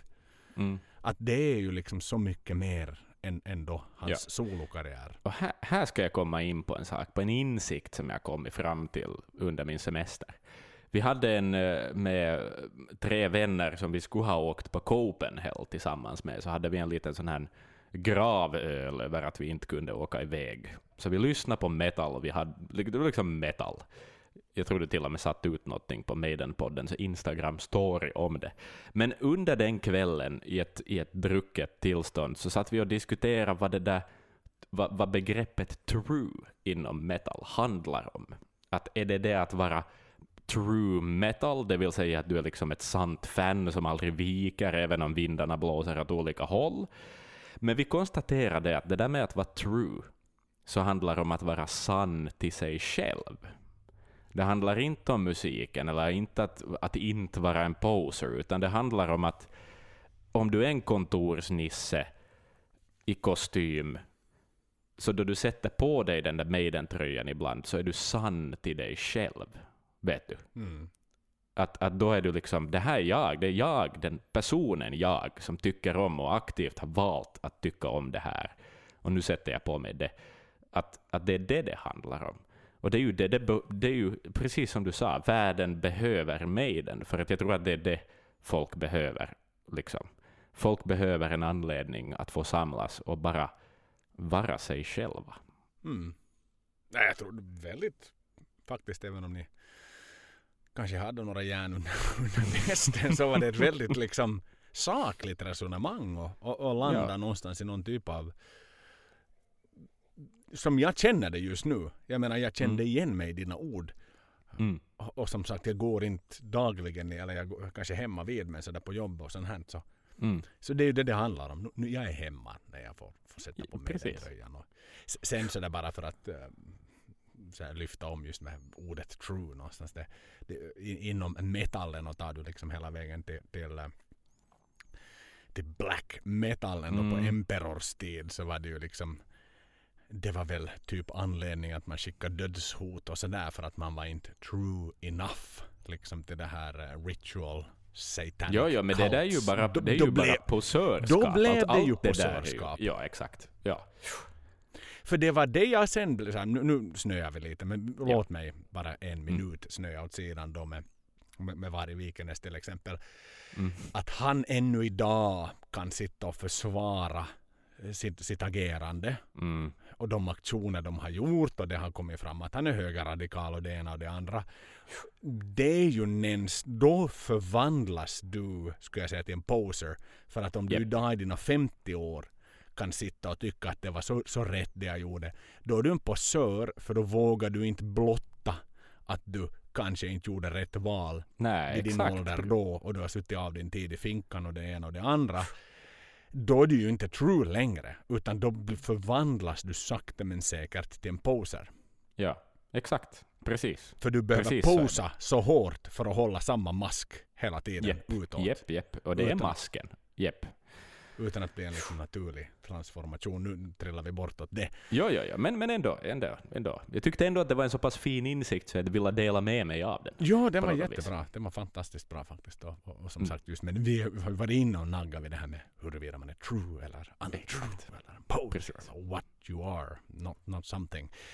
Vi är både posers och vi är både true, ska jag säga. Vi är en Mm. hybridbil som går på både batterier och bensin och diesel och öl och stark sprit och tobak och vatten ibland. Mm. Eh, Sådär, nu var det dags då för Steve och Bruce att träffas för en slags duell. Eller, nej, duell var det ju knappast men de skulle inte skjuta varandra. Nej, Vem drar med snabbast? Ja. Axel. Vem drar snabbast, Steve eller Bruce? I svärd Ehm, vet vi, men, en pistol. Båda har en pickadoll. Nå vet du, man ska nog ha bra reflexer i fäktning också, så månne inte Bruce skulle dra snabbare. Men fan, alltså på Steve har ju nog mycket erfarenhet. Han har ju erfarenhet av att skjuta Ja, publiken hela ju. tiden. Så. Han siktar ju för varenda konsert. Exakt, det är sant. För du vet ju det mm. att han, det är ju alla så här the way Steve sees us så är vi ju som sådana vet du, du, du, röda targettavlor. Ja. Medan mm. the way the, the audience sees Steve liksom oh yeah he shoot me with his love gun. Men sådär, det är så vitt skilda saker. Ja, exakt, det var som sådär, det här med, med någon gammal meme med Dave Mustaine, the way the audience sees Dave. Och sen the way Dave sees. Och sen en massa Alltså det är typ nudlar. nudlar som hänger framför. en kamera. Så det- jävla bra. Sådär, vi ska inte tro att det är all välvilja som Steve skjuter publiken Nej, utan det är snarare nej, nej. att han, han skjuter the dicks in the audience liksom och han ser bara ett rött jävla kors i pannan på oss eller en röd prick och tänker "Pow, pow, pow." där flög den hjärnan, där flög den hjärnan. Aj, aj, aj. Nåväl, nåväl, vi kom bort från Ja. det här. Eh, Ja. Men, men hemligt möte då anordnades i januari 1999 då, samma januari som Blaze blev uppsagd naturligtvis. Och Mm. Hemma hos Rod i Brighton. Det var topphemligt. Enbart Bruce, Rod och Steve medverkade på det här mötet. Och det var ju förstås ganska awkward sådär först. För Mm. De hade inte pratat med varandra på väldigt, väldigt länge. Nej. Följde lite varandras karriärer parallellt naturligtvis som man ju gör med en exfru. Mm. Ser om det blir någon uppdatering på LinkedIn. Har hon hittat någon? Har han hittat någon? Oho, de köpte det där fina huset som var till salu. Mm. Satan. Och jag ser, sitter i min gubbetta ännu. Så det har de ju gjort. Men i alla fall, liksom. Första kramen kom. Isen smälte. Tugget kom igång.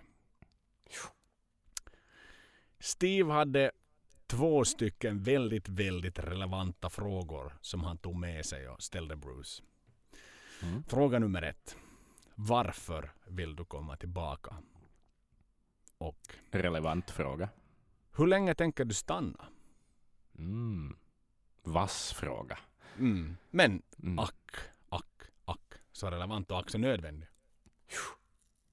Taskiga frågor att få på en anställningsintervju det där också. Ja, Liksom. Eller sådär, det är ju men- klassiker, men de är svåra att, fra, svåra att svara på. Mm. Ja, men han behöver Om- ju sälja in sig själv, Bruce, i det här Ja. läget. Nu- Nu är det ju så här, vet du, tables are turned.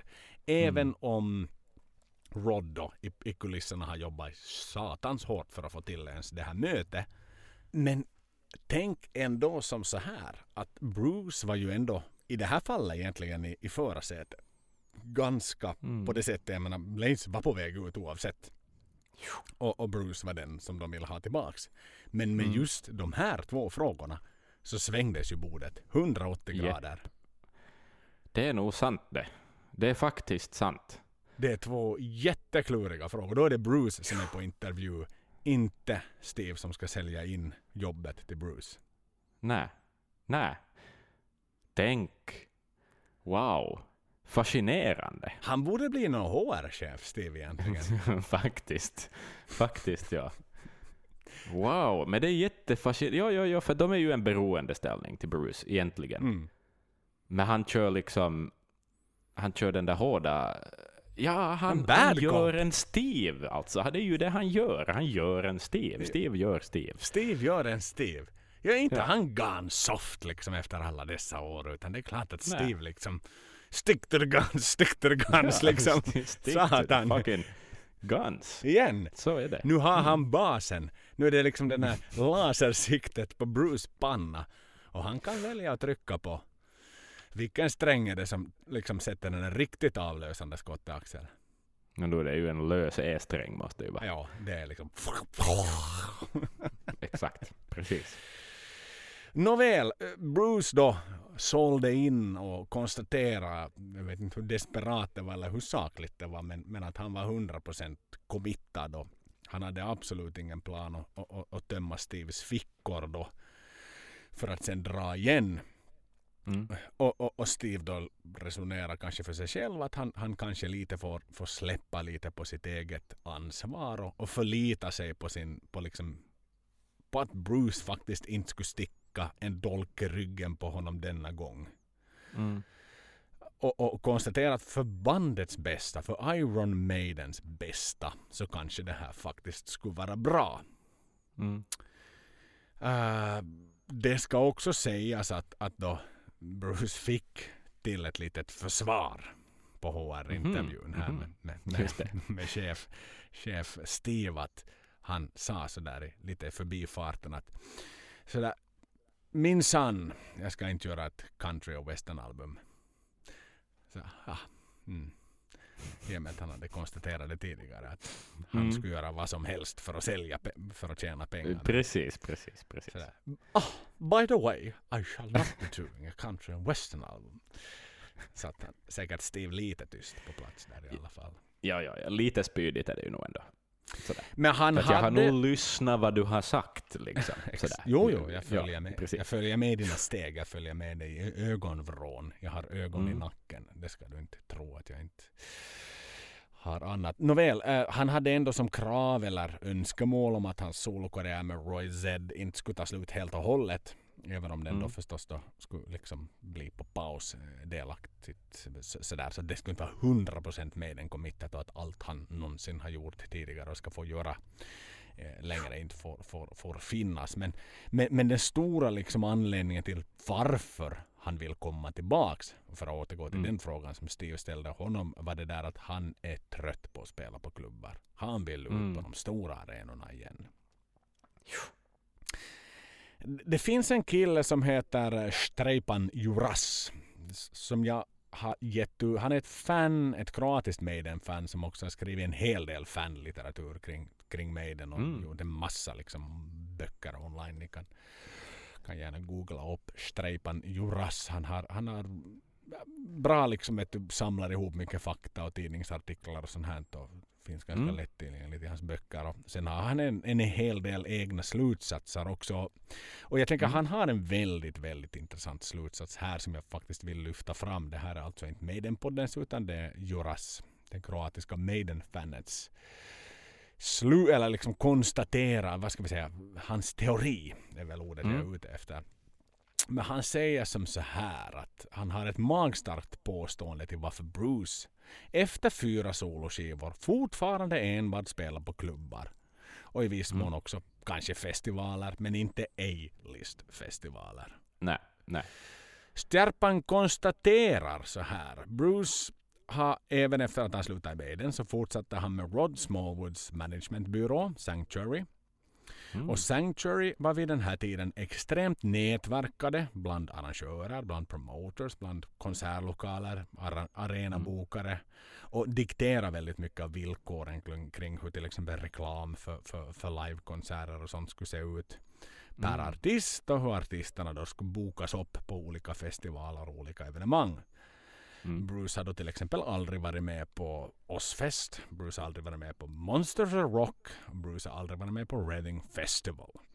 Just det. Nu då till själva påstående.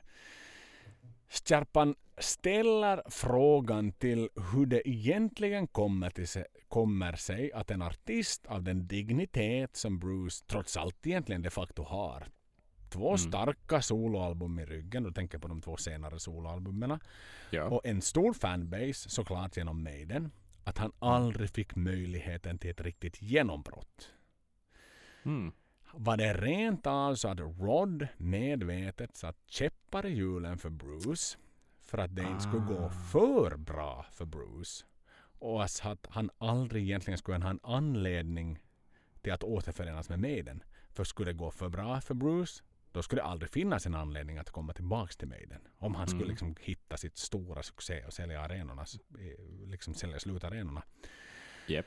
Och, och, och igen, i sammanhanget ska det ju faktiskt då tilläggas att Rod aldrig var i närheten av första valet som ersättare till Bruce.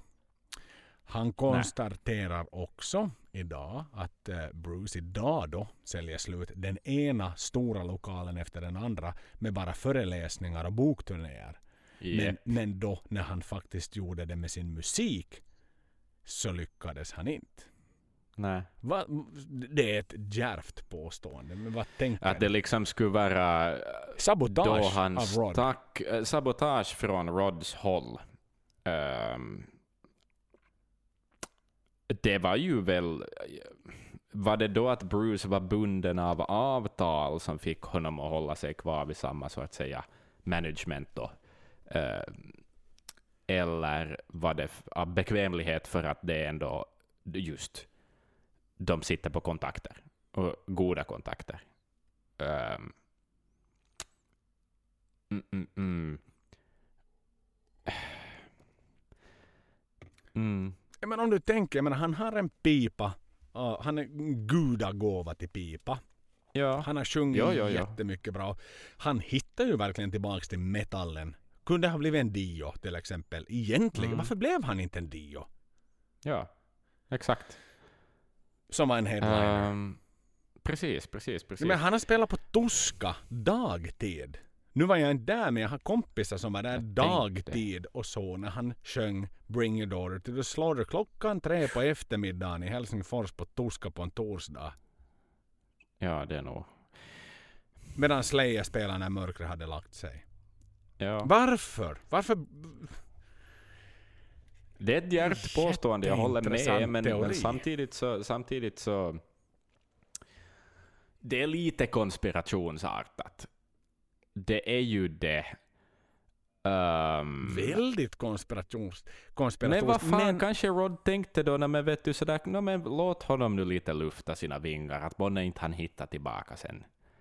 Att, att vi håller nu honom lite sådär, vet du, vi, vi, vi skippar stängslena, men vi, har, vi, vi sätter nu en liten fotboja på honom utan att han märker det. Liksom. Är det nu så? Mm. Är det Rod? Att, men, men, men, men, men, men, men, men. Samtidigt så är han också en, han är en avhoppare av ett stort band. Och som vi har kommit in på förr i den här podden också, han kommer alltid att associeras med Maiden. Vi vet hur det går med sådana sångare som har varit stora i ett annat band förr. Det går, alltså Dio är ju den som sticker ut, men han är ju bara det att för Dio har varit med i så otroligt mycket kredit. Det är ju det. Han var med i Rainbow, han var med i Deep Purple, nej vad säger jag, um, Black Sabbath, då Sabbath ännu var bra. Mm. Och liksom, han har ju byggt upp en annan sorts CV. Han har ju verkligen, han hann ju på ett annat sätt bygga upp sitt brand som en sångare och som en soloartist. Bruce hann ju inte skulle han ha få hålla på i tio år till så kan man ju kanske spekulera att han skulle ha uppnått en Dio-status. Men vet du, att han skulle ha hoppat in kanske, kanske i Sabbath på 90-talet eller någonting. Vet att, att Nej, jag tror inte riktigt på kroaten här, vår, vår kära kroat. Ja, det, det är konspirationsartat alltså. Ja, nej, jag köper inte. Faktiskt inte. All right. All right. Ja, jag vill, vill Men det är, spännande, det är en spännande teori. Det är en spännande teori. Det håller jag med om. Men Det är ett intressant resonemang.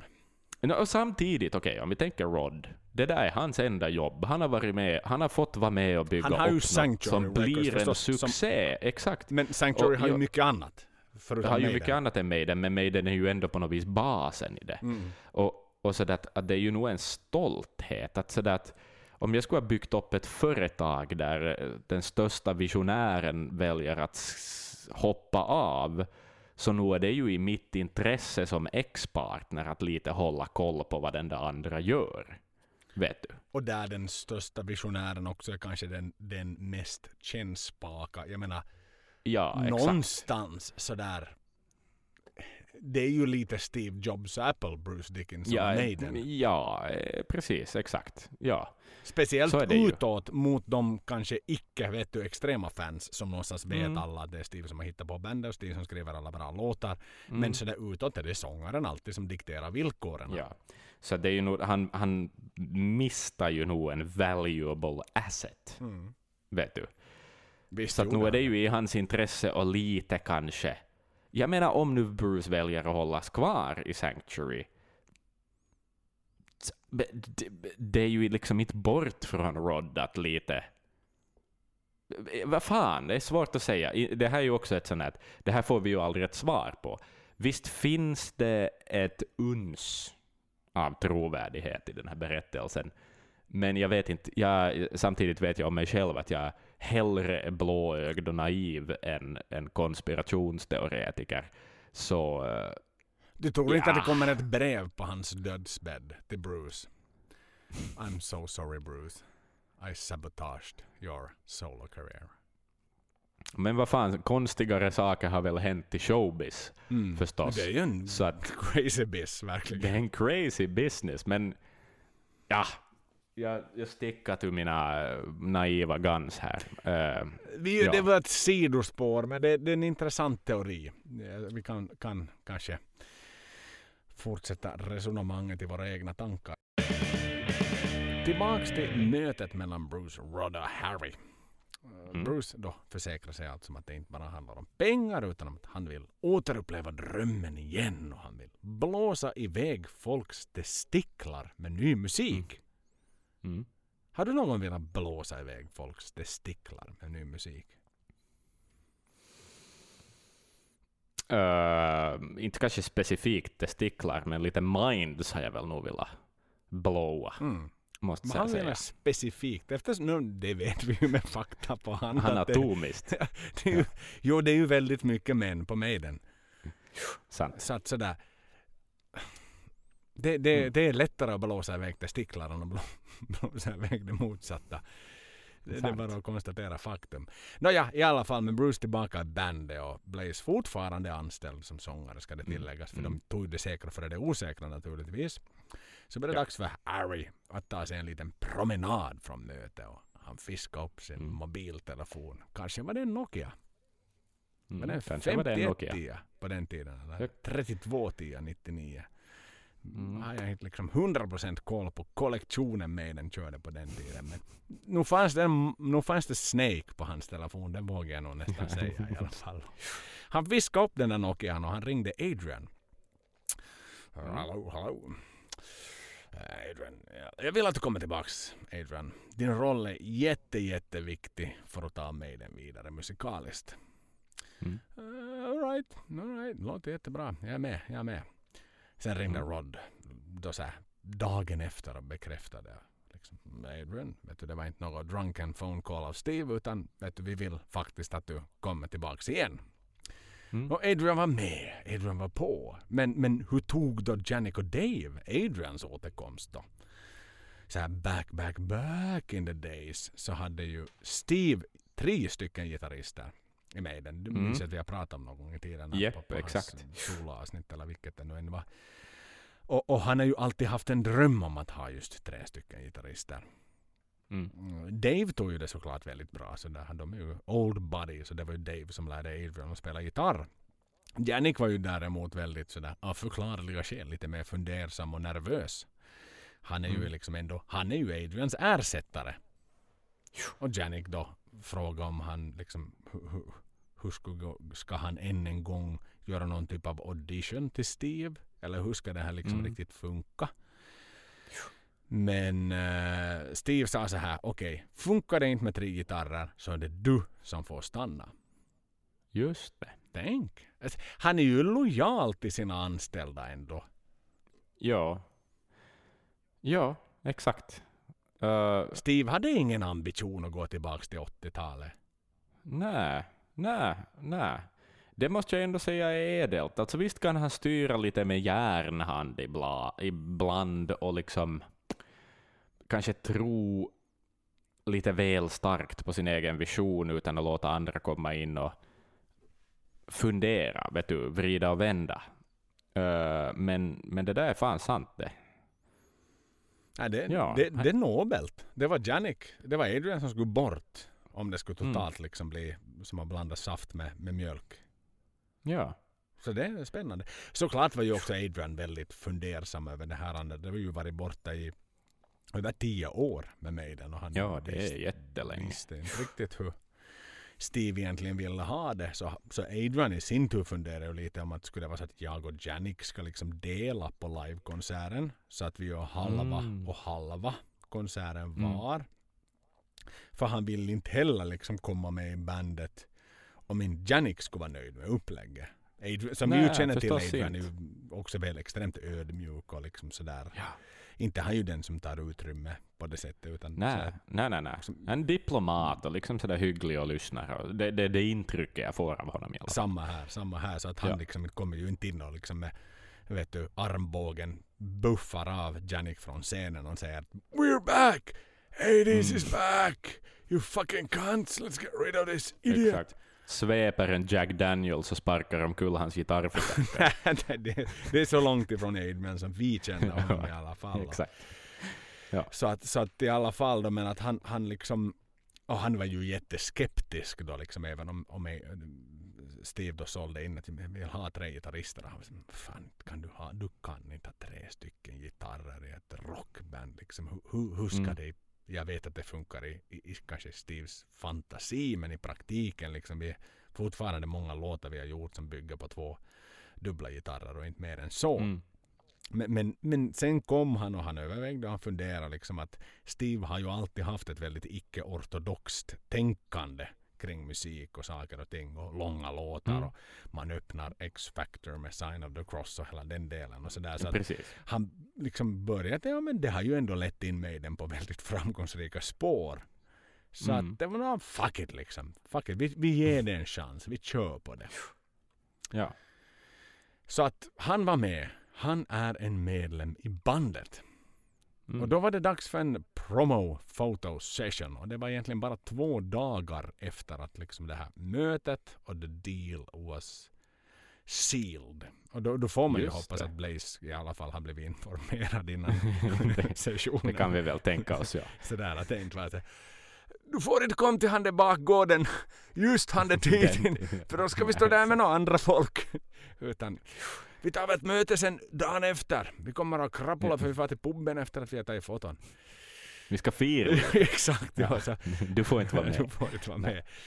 Nåväl, ehm, i mars då, 1999, då var det dags för tillkännagivandet till världen. Det var då man skrev ihop pressreleasen om att Bruce och Adrian are back in Iron Maiden. Mm. Man tillkännagav också ganska snabbt om att det skulle ske en turné i USA, det skulle ske en turné i Europa mellan juli och september 99 och att en ny platta med uppföljande världsturné skulle gå av stapeln. Mm. Ja, Tänk vad mycket nyheter på en gång. Ja. Oj, vad kul. Tänk, tänk om vi skulle... att kunna få gå ut med det paketet. Ja, men Liksom. tänk om vi skulle få ett sånt paket nu! Ja, exakt. Jag suktar efter nyheter från Maiden nu. Ingenting har hänt förutom att uh, unfortunately cancelled due to covid. Unfortunately cancelled due to covid. Unfortunately Precis. cancelled. Some yes rescheduled for 2021. Liksom, men, men, så, jag vill ha någonting. Vet du, jag vill ha kött på ma- mina ben. Jag vill ha Ja. mat på bordet. Ja. Så är det. Maiden-podden behöver få något nytt. Inte bara rescheduled dates. Nej, exakt. Åh. Men i april 99 begav sig bandet i alla fall iväg till Steves lilla retreat i Portugal. Som Mhm. han hade då. Då skulle de på- pör- påbörja egentligen skrivande av ett nytt album. Då ska det ändå påpekas att det också var ett sätt att liksom svetsa ihop bandet. Det var liksom ett, ett bonding camp. En corporate En retreat. corporate retreat, ett bonding camp för att bygga ett team. mm. sådär. De ska spela lite. Grabbar! St- stick nu inte iväg till era jävla Stratocasters. Vi har biljardbord och vi har fixat pingisbord och Rodda tagit hit en darttavla och för fan köpt lite lokal öl. Springer ni direkt bara iväg till era jävla gitarrer satan och börjar jobba. Mm. Hej nej Exakt. satan. Nu får ni nog skärpning. Skärpning nu pojkar. För Adrian var ju liksom, han smet snabbt iväg han arbetsmyran som han är. Mm. Och han tog inte lång, lång tid på sig att kläcka Wicker Man. Låten, men, men, men också låtar som Fallen Angel och Ghost of the Navigator kom till i Portugal. Mm.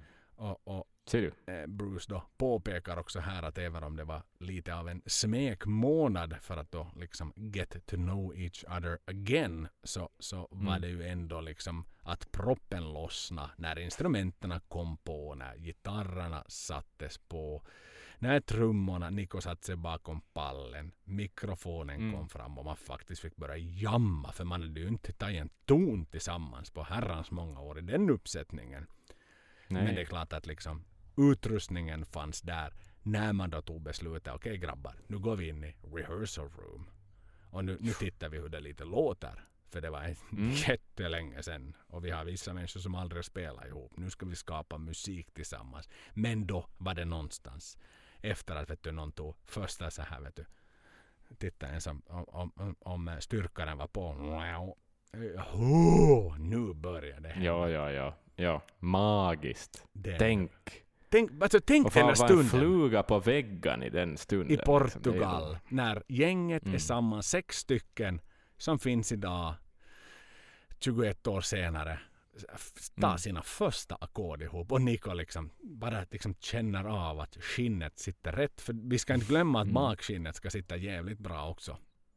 Så är Och det. Så det är det definitivt. svårt att skruva på av det. Nåväl, efter Portugal så var det dags för en liten Ed Hunter Tour. Och det var ju en, Mm. en, en typ av en Best of-turné. Där då fansen fick Mm. rösta fram låtarna. Frågade ju Ullestam om han hade varit med och Mm. röstat. Det hade han inte varit. Men, men de fick liksom rösta vilka låtar som skulle framföras live på den nya upprustade hemsidan kan tilläggas. Och, och, och, och eh, vill du veta hur fansen röstade? Vill du veta Nej, hur, hur live Ed, Ed Hunter-turnéns playlist så? Högst antagligen blev det väl lite som Metallica, så det blev hitsen i alla fall. Det blev typ samma setlist som det alltid skulle vara. No, men vi, vi, jag räknar upp så får vi väl se dina reaktioner. Okej, okej, vi ser om du okej. hittar några intressanta saker. Aces har ju öppnat Mm. dem med. Sen var det Wrathchild. Mm. Trean Trooper. Sen blev det Two Minutes to Midnight. Sen blev det lite Clansman. Sen, sen blev det Mm. Wasted Years. Sen körde man Killers. Sen var det Mm. dags för lite Stranger in a Strange Land.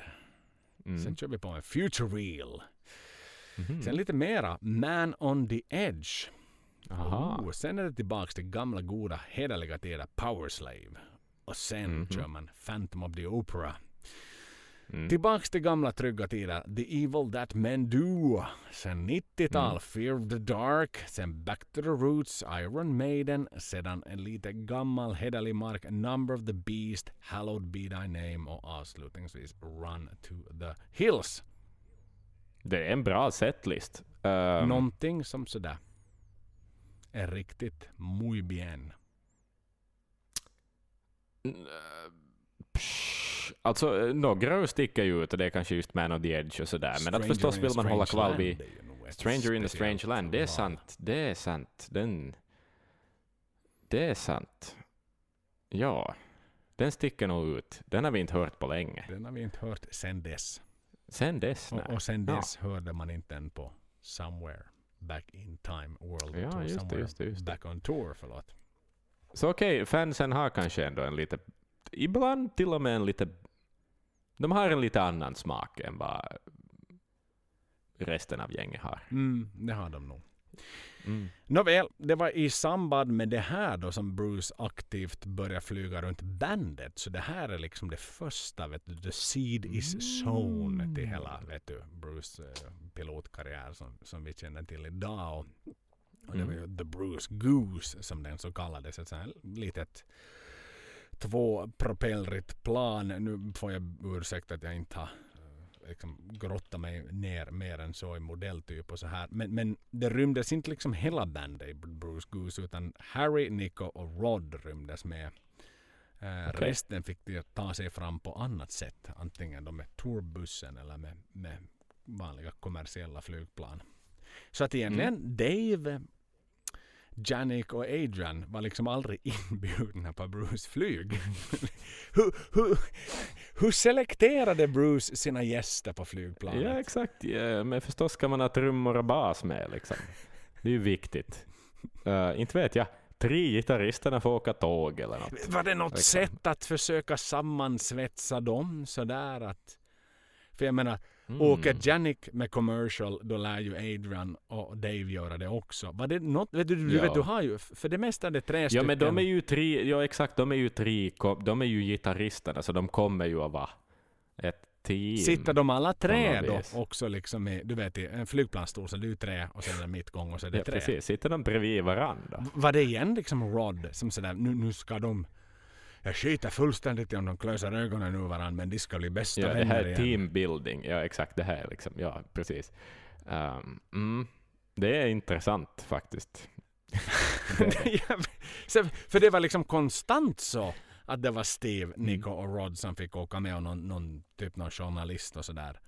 Men, Mm. och, och Bruce flög. Nico hade ju förvisso liksom flygcertifikat. Han flög ju in Bruce bland annat till, eh, vad heter de här öarna utanför Isle of Man. Ja just det, precis. Någon back in the days på, på 80-talet. Så han har ju flugit länge. Ah. Så att han kunde ju sitta Ja, ja, ja. liksom i co-pilots seat även om det var liksom en one, vet du, det räckte med en pilot. Mm. Du behövde inte ha en co-pilot liksom som man har på en commercial airliner. Men, men eh, och- Steve, no, såklart Steve var ju Steve. Men Steve har ju alltid varit lite flygrädd samtidigt. Så han, och, och Mm. Steve har ju alltid lyft fram att han gillar att åka buss i USA för att USA är byggt för, Mhm. för life on the road. Mm. Men, men hade det varit dumt om då Bruce hade valt till exempel Adrian, du får komma med i flyget. Men Janik och Dave, Ja. ni måste åka på annat sätt. Det, jag då tror skiftar man ju dynamiken. Ja, jag tror nog. det ja, det är känsligt. Det här är nog, jepp, jepp, jepp. Ja, det är liksom dagisledaren på något vis. Som tänker att den här, men det är nog bäst om den där trion får, får hänga ihop. De får hänga ihop. Och då hoppas, nu vet jag ju inte med, med, med med facit på hand, vad det då så liksom Dave vägrar sitta på ett kommersiellt flygplan så att Janik och Adrian satt. Och då hade de en Mm. tjock gammal tant i mitten. Men hej, hej. Jag tror vi glömmer en sak här. Vi vet ju alla hur, det, hur jobbigt det är då gitarrister sätter igång med sitt snack Nå, om det gitarrer och prylar och pedaler. ju Så då får de rätt. liksom hålla det för sig själva och så skippar alla andra det. Nu För hur intressant är det för Nico att höra, eller Steve, eller Bruce, om någon gitarrpedal? Nå, nu har du nog faktiskt slagit huvudet på spiken här. Vi nöjer oss med det argumentet. Det var ju också i samband med detta som Neiden-maskinen lanserade Metal 2000. Kan du säga att du har det i ryggraden eller vill du att jag faktiskt ska läsa upp själva pressreleasen som Maiden släppte? Nå, Maiden var ivriga med pressreleaser på den här tiden. Det var då de hade så mycket nytt till skillnad från nu att komma med. Så vi får leva Mm. på 20 år gamla pressreleaser i den här avsnitten nu Mm, helt enkelt mm, för att liva upp oss själva med Maiden. Men så här låter det. Iron Maiden announce Metal 2000, the ultimate metal experience. Following on from last summer's sensational sold out tours in North America and Europe, the boys are back live in the new millennium for a massive Metal 2000 world tour. This promises to be the ultimate metal experience. With Maiden playing to more people worldwide than practically any other band on tour this year, unless Stones will go out again. With the legendary barrage of sound, lights, and production, the out- onslaught starts at the beginning of June in Europe. They'll headline most of the major festivals and covering practically every European country, including most Eastern Europe, most Eastern Europe.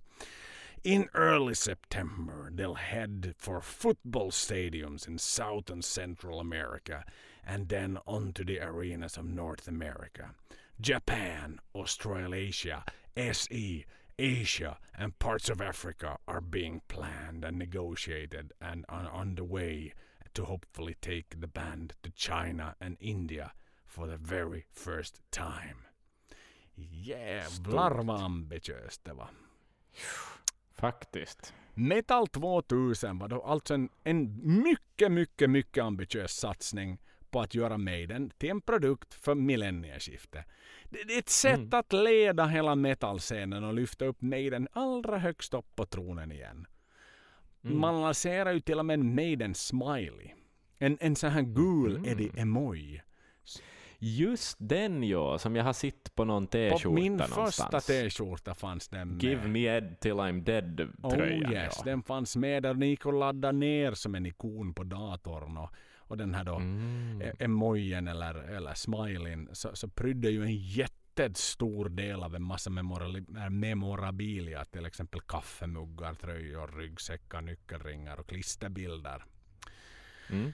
Och, och, det ska ändå sägas att den bombastiska pressreleasen, där är det ju en, liksom, där är ju Rod i sin stor. När han gör sin sign-off, Ja. du vet. Han, han har ju inte skrivit den utan han har ju haft någon, någon PR-manager som har skrivit den men när han ger liksom sin sign-off, yes, send it out. Mm. S- s- s- bom- Det är bombastiska Rod. Men som det var, så att eh, i samma veva då som Metal 2000 lanserades, bara en sån sak, Metal 2000, det är så Ja, det är jäkla... Det är så jävla bra namn också. Metal Och Maiden 2000. la beslag på det. Ja. Ingen annan. Ja. Ja, det är ju kommersiellt gångbart så det bara sjunger om det. Metal ja, ja. 2000. Har du hört det med det Metal 2000? De ska komma till, de ska spela på Vepsus hemmastadion. De. Metal 2000-tåget kommer hit. Oj jävlar, det var underbart det. Nå, Mm. i alla fall. Så då, då, då lanserar man ju ytterligare en utgåva av Best of the Beast egentligen, Ed Hunter då, som kom i form av en Mm. uppdatering på spelet med då 20 låtar som, eh, som då kom ut. Och då, då ska det ändå tilläggas att det här är bara två år efter att Best of the Beast-skivan lanserades. Så Just det är mer eller det. mindre liksom man mjölkar i helt samma kossor igen och försöker få ut någonting Japp. nytt. Nåja, nästa uppgift för mig den blev då att sakta men säkert fundera på att anlita en producent. Mm. Eh, jag tror personligen aldrig att det var på bordet att Steve själv skulle producera den här skivan hemma i Barnyard Studios. Nej. Utan jag tror att en förändring var ganska nödvändig. Vad, vad tror, tror Ja. du om saken? Jag tror också det. Har man fått tillbaka eh, liksom Bruce med sina krav och Adrian och liksom starta hela det här ryktet och satt igång alla dessa bollni, bollar i rullning så, så, så behöver det vara bättre, Mm. helt enkelt. Det behövs något objektivt. Det är nog sant. Nigel Green var Ja. väl inte ens tillgänglig då som sådär. No, vi vet, han är ju officiell producent men vi vet ju alla att han, Mm. han är producent inom stora citationstecken så att säga. Eh, Ja. I alla fall var kriteriet då så här inför skivbandningen var att det skulle vara ett state of the art studio. Det skulle vara den bästa man Mm. bara kunde hitta. Nu var det liksom spare no expense. För nu, nu var det ju någonstans, det var ju en make or break för Rod. Nu har han Ja, ja, lyckats ja. lura tillbaks. Han har kört double agent game till höger och till vänster. Okej, han Mm. lyckades med allt det där. Men fortfarande. Och de har varit ute på en liten best of-turné och liksom vet du, lufta vingarna igen, visa gänget hur Aces Ja, men de har ju inte bevisat De har inte någonting be- ännu. bevisat skit ännu. Utan de har Nej, varit på en nej. comeback-tour och ingenting annat. Mm. Det är allt vad de har gjort. Men nu är ju verkligen jobbet liksom framför dem. Att nu jävlar behöver vi börja jobba på hur vi ska få det här. Och, och då som sagt att allt skulle vara bäst. Bästa studion Mm. och, och, hur ska vi hitta en producent? Martin var ju förstås en, en tanke då från både band och från fans väldigt mycket. Liksom att det var han som gjorde Maiden till Maiden på 80-talet, Martin Birch. Men Mm. men Martin hade gått i pension och inte ens liksom Bruce och Adrian lyckades liksom få honom att ändra på de tankarna. Han, han var trött på att sitta i en studio. Han ville spela golf. Han ville leva det glada pensionärslivet helt enkelt. Och listan den var lång och det var allt från vet du, nya heta producenter till, till gamla rävar i branschen. Och, och, och någonstans var Mm. liksom poängen att de skulle inte stressa fram varken ett album eller en producent. Utan nu är det en sån här turning point. Det finns ju pengar på bankkontot. Så Ja. om vi nu väntar Ja, ja, om du minns, som jag sa tidigare så lyssnade jag igenom eh, Number of the Beast avsnittet som vi gjorde. Då hade de tre månader på sig att eh, göra allting. Nu är de ju inte i den situationen längre utan nu finns det liksom Nej. den här tiden att om vi nu på riktigt ska göra Metal 2000, okej vi behöver kanske liksom hålla oss relevanta till pressreleasen men, men låt oss nu i alla fall eh, ta vår tid på att hitta, hitta det ena. Och Bruce har ju poängterat här att liksom ytterligare att varken skivan eller producenten ska få Maiden att låta som ett classic rockband. Vi, vi Mm. är inte ett classic rockband. Det fanns en rädsla av att bli nya Black Sabbath eller nya Kiss. Ja, exakt, precis. Som hade gått ganska nu. Liksom, de, har gjort, vet du, de kom tillbaka, de gjorde samma sak igen. som de- Okej, vad var det? Vi tappade Mm. stafettpinnen. Okej, vi, tapp, vi tappade den vid Mm. 200 meters sträcka. Vi plockar upp den där så fortsätter vi. Utan nu var det verkligen liksom, nu skulle de kort och gott bli locka till sig en helt ny generation av fans samtidigt som de skulle återerövra brustna med hjärtan från 80-talet som hade försvunnit. Mm. Och som Steve egentligen beskriver hela händelseförloppet som vi har liksom diskuterat. När allt kommer till kritan, när man har kokat ner all spad i grytan, så det enda det handlar om är musiken.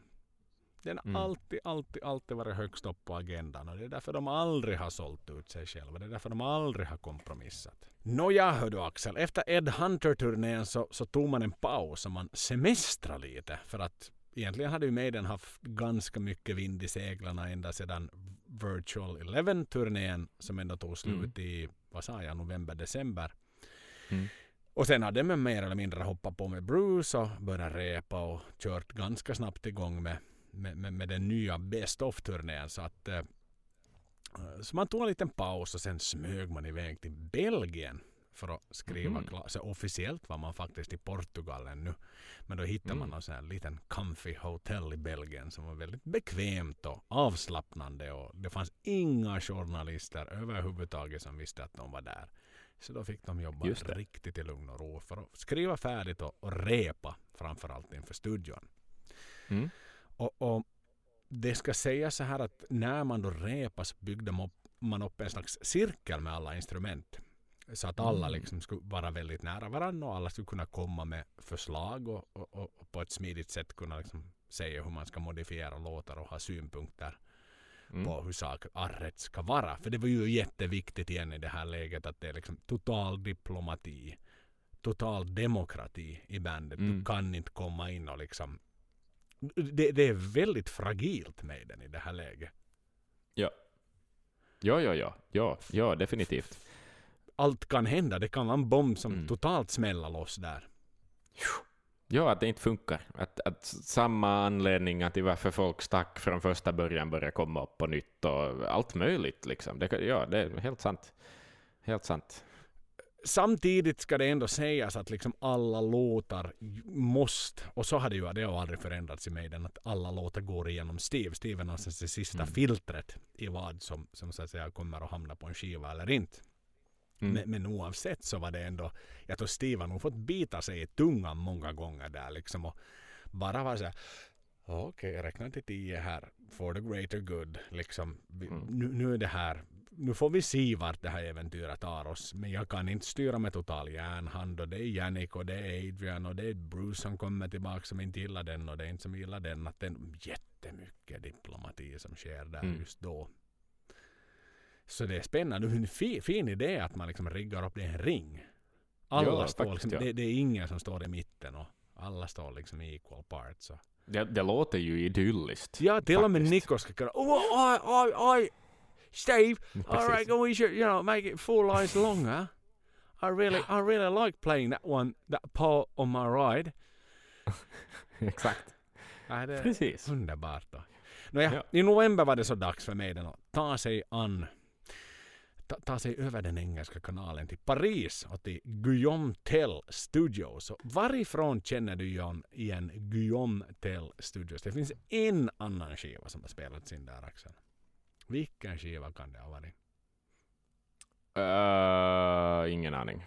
Eller jag kommer, ingen, nothing comes to mind. Nå, den här nu. senaste spelades in där. Ja, förstås. Just fan. Ja, exakt. Ehm, ja, Book of Souls. Då var de Live. Där, då var de där igen.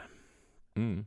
Så ett nytt låtmaterial och en ny producent i bagageluckan tog man sig under engelska kanalen. Och vad kan vi då säga om Kevin the Caveman Shirley? En sydafrikan som tidigare har jobbat med bland annat Black Crowes, med Aerosmith, med Dream Theater och Silverchair. Mm. Det var valet hos management att välja Kevin. Mm. Uh, i ärlighetens namn var det ju inte sådär så att liksom Iverns gnistor slog i Kevins ögon för att jobba med Maiden. Mm. Utan han var väldigt mycket money talks. Han var rent av riktigt omotiverad att ta sig an Maiden. Och han är ju erkänt också i efterhand att han, han ansåg att Maiden hade tappat sin bärkraft. De har tappat gnistan. Mm. Och med vetskap om varifrån Maiden har kommit och vad det har lett dem till så såg han det rent av som en slags ostoppbart fall för Maiden. Just det. Han såg det som ett straff att jobba med Maiden. Ja, ja, ja. Nej, men förstås, jag menar, han producent han vill ju uppåt han också. Han vill bygga vidare på sin CV, vill vara relevant, kanske, Mm. för att få, få nya förmågor och, och liksom bli, bli någon Rick Rubin, liksom.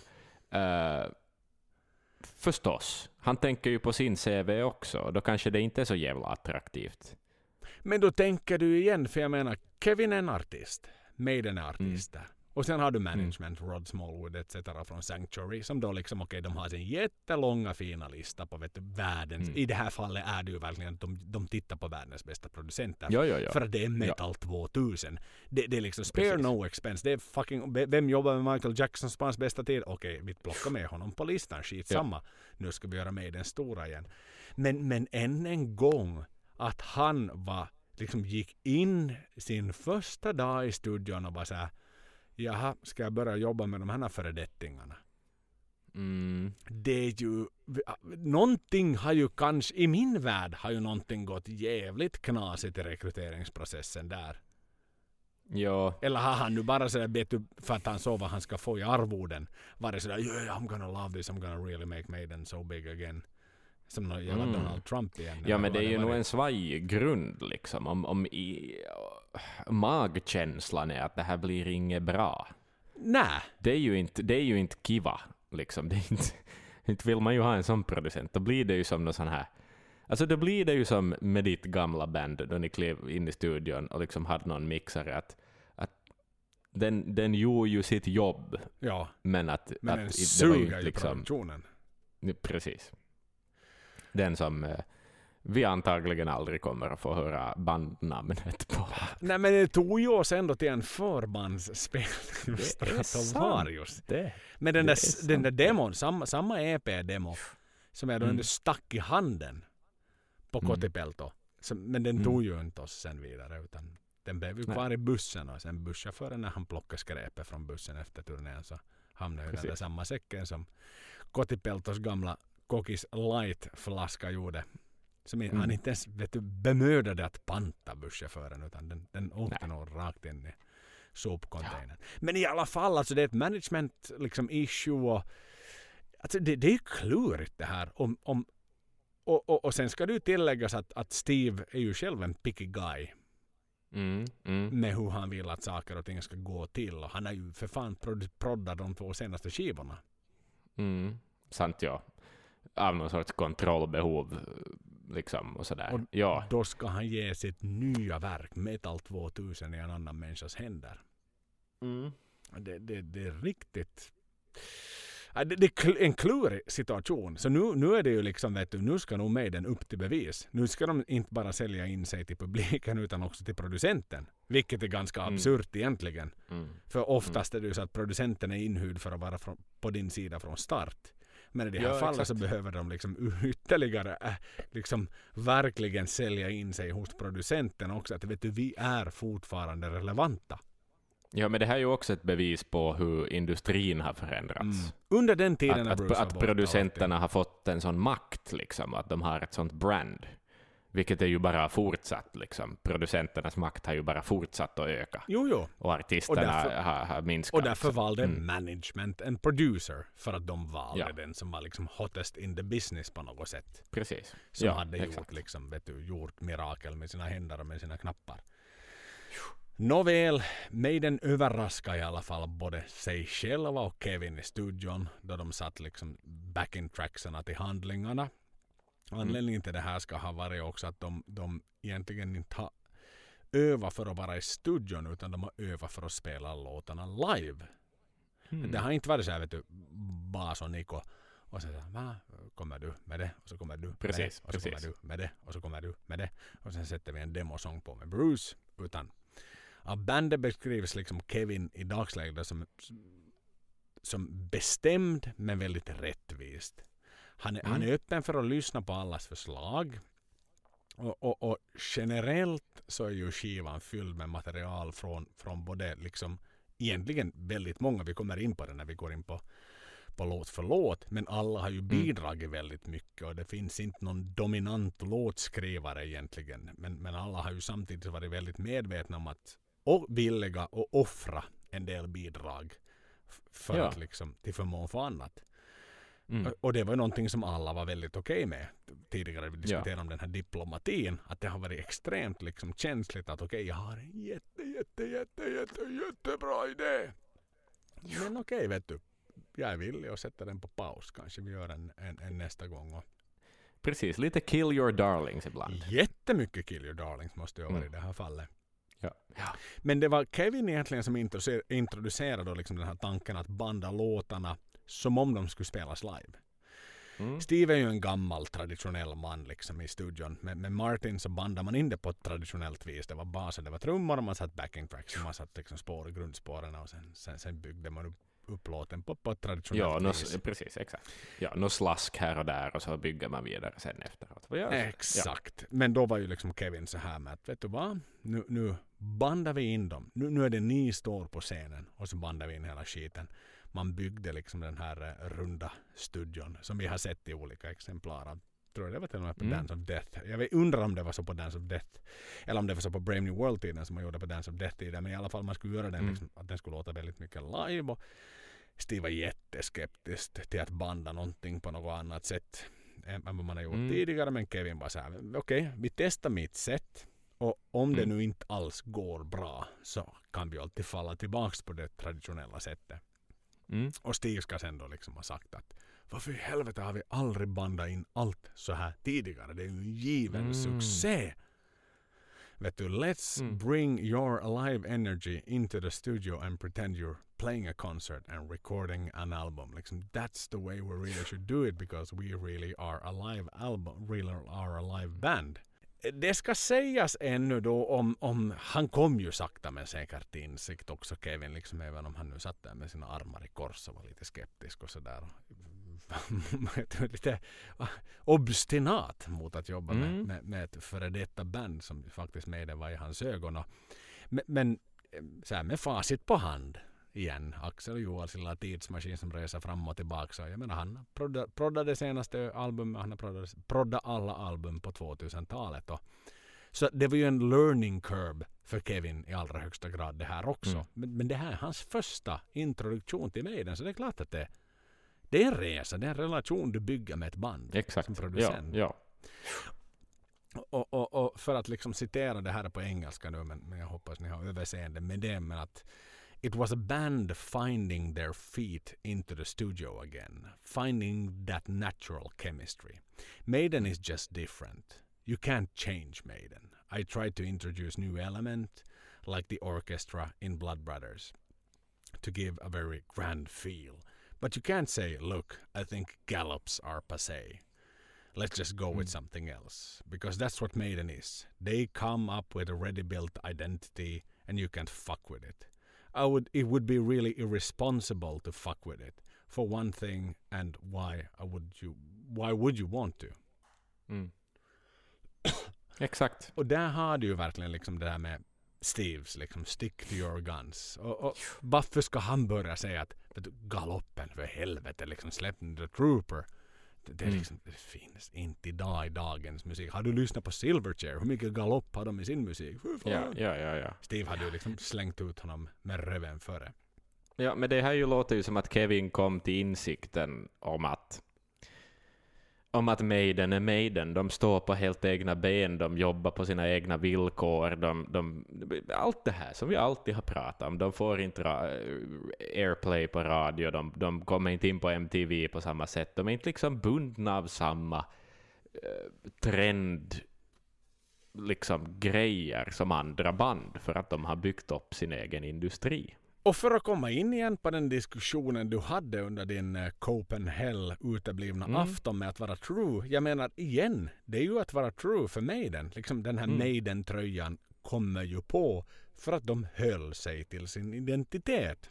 Ja, exakt. Vi har mycket Precis. kommit tillbaka i det avsnittet men stick to your guns någonstans. Ja. Det, Steve har sagt det i alla åldrar. Det, det, det är någonstans jag skulle kunna göra en tatuering där det står stick, to your guns. guns, Och sen så hoppas jag att det är någon vet du Maiden-fan vid poolen när jag har tröjan av och satt den på ryggen Mm. som säger Hej!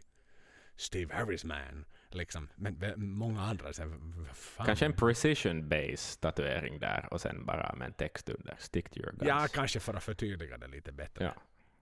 Faktiskt, för annars är det Det är liksom inte alls så här- en dålig tatueringsidé. Ni hörde den här först. Ja, sätt någon den. Mm. Vi betalar den med våra Patreon-pengar. Ja, men jo, jo, jo. Alla gånger. Vi bekostar den om någon går ut på det. Men i alla fall då liksom sådär. eh, Harris har sagt att liksom den, de här ork- orkestrala delarna då som han försökte introducera i Blood Brothers har varit liksom alltid en, en, en sån här väldigt hemlig önskan. Han, han har alltid velat ha det. Men, Mm. men egentligen då har de ju alltid använt sin, precis som du, du har varit inne och väldigt dissat väldigt mycket, liksom elementary keyboard strings Mm. som de har kört på med. Och, eh, men i, i, i det här fallet så hade Kevin någon typ av liksom kollega i New York, Jeff Bova som han hette då, som, som, Ah, som ja. var någon typ av eh, Han, är, han är en professionell, ja, han, han har jobbat med mycket, alltså Aha, jag har ju en annan, till Jeff jag har. Jeff Bova är en meriterad jävel, ja. Aha. Alltså, eh, jag är ju ett fan av disco och eh, funk och allt sånt också. Det, Mhm. jag, jag tror inte jag outade så mycket i den här Men det podden, men nu, fan nu fick inte gjort det. en enda gång. Nej, synten har vi snackat om. Men han är ju en syntare också. Han är ju en keyboardist kanske främst. Men han har jobbat mycket med film, men han var också med i två av mina absolut favorit discoband. Ena är BB and the Q Band och det andra är Change. Mhm. Eh, båda riktigt tajta funk discoband från 80-talet. Eh, så att eh, jag ryste till lite då jag såg hans namn i creditsen faktiskt. Jag var liksom sådär, aha, är det han? Ja, vad kul! Ja, han har spelat med alla. Herbie Hancock han spelar med också. Massa Nice. människor. Mm. Men vad kul! Det, Maiden binder ihop oss ytterligare. Till och liksom Mm. dina synd, vet du, dina så här, vet du, syntgener som någonstans smiter förbi familjebanden. Så liksom det är ändå sammanlänkade med den stora kedjan inom den Brinkska familjen. Så är det, så är det. Hur som haver då så, så skickar de ju då liksom eh, x antal låtar till honom med lite instruktioner och, och, och det då han liksom skickade tillbaka så fick verkligen liksom Steve att liksom flyga bakåt, rygga bakåt och håret stod på helspänn och Jag förstår det, för det är ju så bra! Det är ju så bra! Det orkestrala innehållet på den här och. Steve konstaterar att Jeff har gjort allting så exakt som han någonsin har kunnat föreställa det. Mm. Och, och Jeff gjorde till och med lite extra grejer. Som Mm. till exempel den orkestrala sektionen på Nomad. Den här delen med fagottarna och hela den Ja, oj, delen. vi kommer in på det då vi kommer in på det, men. För, för då, vanligen så liksom Steve spelar då allting keyboard parts. med ett finger. Med ett finger. Mostly one finger Men, keyboard men så här, parts. Jeff var nog en jävla vital fläkt till Maiden och göra det så Ja. bra. Ja. Men, men det jag ännu vill säga eh, så här är att sångerna på skivan så, så bandades liksom inte in sådär vet du en sång och så slutar vi så bandar vi nästa sång och så slutar vi så bandar vi Mm. nästa sång utan man, man bandade in dem någon typ av lager för lager. Okej. Eh, beroende på vem som fanns i studion eh, på den liksom just under den dagen och, och vad liksom humöret just då var. Okej. Vilket då gjorde liksom att producenten kunde liksom vet du, anpassa ljudet efter, efter den känslan som fanns. Vilket då Mm. gjorde igen i sin tur att liksom the bare bones of the tracks. Och att man kunde liksom bygga på fundamentet. Mm. Vilket i sin tur gjorde att man kunde liksom plocka väldigt unika ljud från unika låtar, unika liksom guitar sounds, unika liksom pickings och plocka det, det. också till andra delar av låtarna. Så det var Men inte det är ju att också behövde för det är skruva ju om och mecka om på förstärkarna för att vi hade ett fittigt bra ljud i Ghost of the Navigator och nu håller vi, på att banda in sista låten Thin Line Between Love and Hate och nu vill jag komma tillbaks till ungefär det där samma ljudet som vi Ja, hade precis, med Ghost. precis. Utan nu var det liksom ah, de är ju Ja. inne på någonting så stort här med. Ja, ja, ja, vi kommer att komma in på det också, men det, är ju, det måste ju vara en anledning till varför det är ett så otroligt sammansmält sound på den här skivan. Mm. Vet du? Att det är ju samma botten på alla låtar på något vis. Men vi kommer in på det där uh, mera. Men smart. En challenge som producent. Och Och en- jobba sådär, vet du, på något vis bitvis och lite på något vis försöka hålla kaoset i huvudet samtidigt som vet du, att du inte gör det sådär segmentvis, låt per låt, för då är det tydligt, utan liksom hoppa lite hit och dit. Det är ju ett helvete i huvudet på något vis. Och det är så för tänka mig. jävla roligt igen när du tänker på liksom den skepticism som Kevin Mm. hade. Men någonstans så smälter ju hans is totalt. För jag menar, säg Mm. att du skulle ha en oinvolverad producent Mm. som skulle liksom vara sådär... uh, Inte skulle han ju komma upp med sådana här idéer Nej, om han inte precis, som alltså- vet du skulle bli en del av gänget och tänka att fan det, här- det här kan på riktigt bli någonting. Det här är ju Ja. bra, det här svänger. Grabbarna kan spela, grabbarna kan sjunga, grabbarna har fortfarande någonting för 2000-talet. Mm. Det är inte ett straff längre utan det är en befrielse. Nej, nej, nej, för han är ju, han, han går ju utanför liksom standardkontraktet här någonstans. Jo, jo absolut. Kevin. Alltså att han, han, han, han tar på sig mer än vad som förväntas av honom. Det är ju inte så att liksom Rod står vet du, när han kommer ut från bakdörren till studion med en pistol i hans rygg. How did you go today? Vem Did you do according to plan? Mm. No, I actually allowed myself a little liberation. I didn't do as you told me to do like the previous producer did, but I didn't. I'm gonna shoot you right here and leave you in the crash. liksom, det är ju inte sådär att... Nej. Utan någonstans att de var ju på väg på någonting fint. Och det är ju Ja. så, underbart att liksom nu, nu börjar det ta fart. Nu börjar det liksom... Jo, jo, en sann kreativ process. Yes! Och Liksom, Och, faktiskt. och, och Steve har köpt in på det nya sättet att producera ett album på. Martin är passé. Maiden är metal 2000.